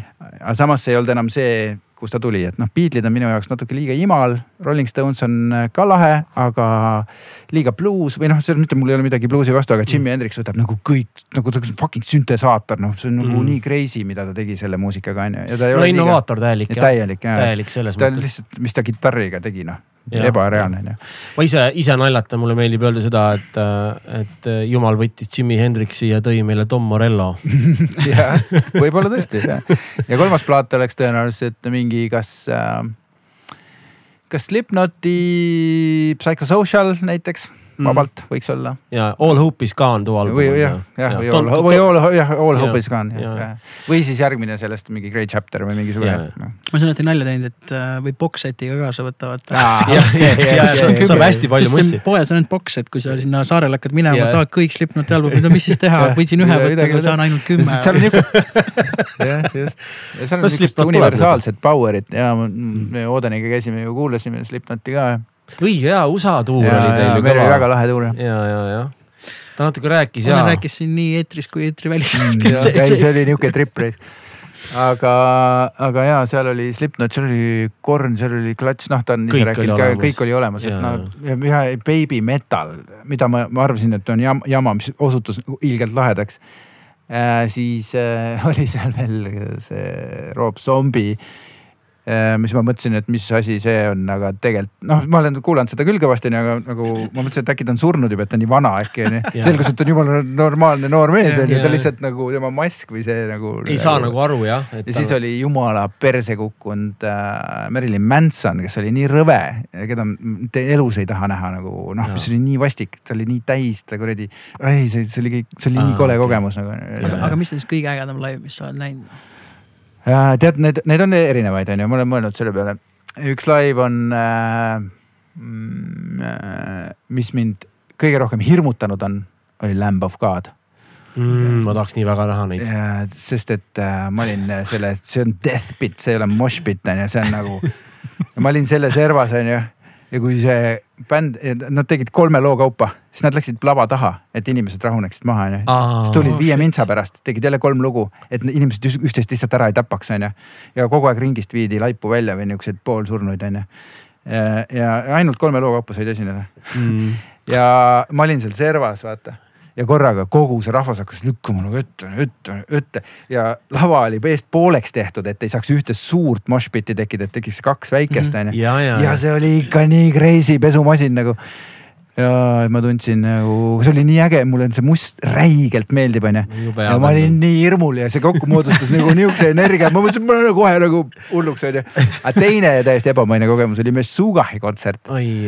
mis oli meil siin Rock, äh, rock Cafe's ja kui ma avastasin, noh, polürütm on ju kui sa avastad, et äh, su alakeha teeb midagi muud kui ülakeha onju. et üks käib nii, teine käib kuidagi onju. ja siis mõtled, et kas mul on midagi viga, siis vaatad ümberringi, kõik teevad sedasama asja nagu. mine, kuidas see võimalik on, see on nagu mingisugused megaraadiolained vaata ja, tekitavad ja, ja. kõigist meestest polürütmide kuradi mingid asjatundjad onju, alateadvuse kaudu. see on, äh, see on ulme jah, ulmebänd on too ja, ja. Kui sul oleks supervõime, siis mis? Jesus Christ. Sex machine. Mm.. James Brown põhimõtteliselt. Superkangelane James Brown. Mina alustan, sina lõpetad, ma alati ärkan. Äh,. rõõmsa tujuga ausalt öeldes. Mm.. see on väga hea nullpunkt. jah. yeah optimistlik. milleks viestada ärkamise peale, kui mul just väga sitt olla pelmeenid või friikad? aa, pelmenkud ikka alati mm.. kuidas sa pelmeene teed? praen muidugi vist. praen jah, jah. kes see keedab pelmeeni ei, okei, tegelikult on okei külm või kuum? pigem kuum mm.. lemmiktoit, mida küpsetada mm,? Tõenäoliselt pelmeenid ma ei ole eriline toidutegija mm.. ei, ma grill-liha, ütleme noh, davai, et. ja, ja, lihtne, ei pea mm, mäkerdama millegagi. Äh, kõige hullem töö, mis sul olnud on? noh, praegu võib-olla ei tundu enam kõige hullem, aga võib-olla tol hetkel näiteks või, või ütleme noh. maasika korjamine oh,. Soomes. see tundub küll. terve fucking suvi oi, see tundub fucking halb. pappi tuli, tuli jah, kõvasti tuli. üheksakümnendatel. ja siis, kui kroon tuli, vaata rubla kadus, kroon tuli, ma olin mingil hetkel lihtsalt nii mitukümmend korda rikkam kui mu vanemad nagu aga Eestis või kuskil Soomes, Soomes või? Soomes ikka jah, vist käidi Soomes, ma olen ka kuulnud. tegelikult sellest on veel hullem, on kapsa korjamine, aga noh mm., seda, seda ei olnud nii pikalt vaata mulle, mulle piisas lapsena maal heina tegemisest, minu töö oli heina sõtkuda ja mulle tundub, et ma sain sealt mingisuguse trauma, väga keeruline on tööd teha tänu sellele. ma olen Odaniga rääkinud, sest mul on vist ainuke vend, kellele meeldis heinu teha, nii talluda kui, kui, kuidas oli, mis selle nimi oli, kui sa nagu kaarut-, kaarutada vaata, et üks mm. pool kuivaks ära, teine pool ka. käsitsi või? Või rehaga jah, rehaga käisid ikka suured põllud asjad. Mm.. Odan ütles ka, et ära mainigi, mul on tülli nagu. Et tal on nagu ka traumad nagu ikkagi full heina tegemisest. Mm.. võib-olla mul oli lihtsalt liiga väike põld või ma ei tea, aga mul kuidagi see oli, ma isegi igatsen seda praegu vahel. Ah, need Lõuna-Eesti põllud ja jõeäärsed põllud ja parmud on suuremad kui kuradi. hobused. hobused, see on, see on nagu karistus, aga praegu see võib eksootika olla, nädalavahetuseks minna muidugi, aga jah. Kui sa saaksid taaslavastada filmi sina peaosas, siis mis filmi? ma esiteks ei kujuta ühtegi filmi ette, kus ma peaosas saaksin olla või mis tingimustel ma seal oleksin, aga Eyes Wide Shut noh. Eyes Wide Shut on tõesti väga hea film äh,. tegelikult äh, hea mõte muidugi, jah. Kui sa nii ütled, et. sa enne mainisid. ja, ja ei, mulle, mulle see lugu sealt räigelt meeldib, aga tegelikult, kui sa nagu kogu selle narratiivi peale mõtled, see on hästi valus narratiiv tegelikult on ju noh, elu muutus mm. ja äraminek ja tagasitulek ja, ja asi ikkagi lõpuks kestab edasi on ju, ja tegelikult nagu mõttes ärakäimine mm. ja mitte nagu päriselt siis on ju, keegi ei saagi teada, kas see oli päriselt või ei olnud, aga, aga ma arvan, et see oleks huvitav jah, miks mitte, sest et ma ei, ma action film, ma ei kujuta ennast lihtsalt ette vaata, et kuhugi mingisse. Die Hardi või Mavericki või kuhugi, et seda on lõbus vaadata onju. ja, ja, ja, ja noh, mingis ulmefilmis võiks ka vabalt olla muidugi on ju mingisuguses Interstellaris on ju, aga, aga see on äh, sihukene. ma ei tea, kas ma nii intellektuaalset kuradi tegelast välja mängin, kes sinna nagu sobiks mustade aukude vahele kuradi. no kui Nolan pöörduks sinu poole, see tähendab seda, et siis sa mängiks, sest need mehed nagu ei pöördu ilma selleta, et vaatame, kas ta toimiks, vaid ikka nagu toimib natural born killers äkki. oi-oi. tead, ma ei, ma mulle, ma, ma olen seda filmi vaadanud, üks film üldse kõige rohkem, mida ma olen, ei tegelikult üks film on veel, mida praegu jutuks tuli, et äh, ma olen hästi palju vaadanud neid Tarantinosi asju, aga tegelikult ma ei ole kunagi nagu eriti kaifinud neid filme Mm. mm., lihtsalt äh, sellepärast, et minu jaoks sihuke noh, mingis hetkel sihuke vägivallal peab olema nagu arukuse moment või mingisugune, et see peab kuidagi põhjendatud olema, aga et Mm. kui lihtsalt kellelgi kuradi munad otsast ära lõigata, et noh nagu what the fun yeah., et see tekitab nagu psühhopaatse nagu tunde onju. aga äh, Dracula, see Bram Stokeri Dracula, see on film, mida ma olen elus, kuna me, jutt oli, et Kaur Kenderiga elasime koos onju, siis meil oli ainuke videokassett.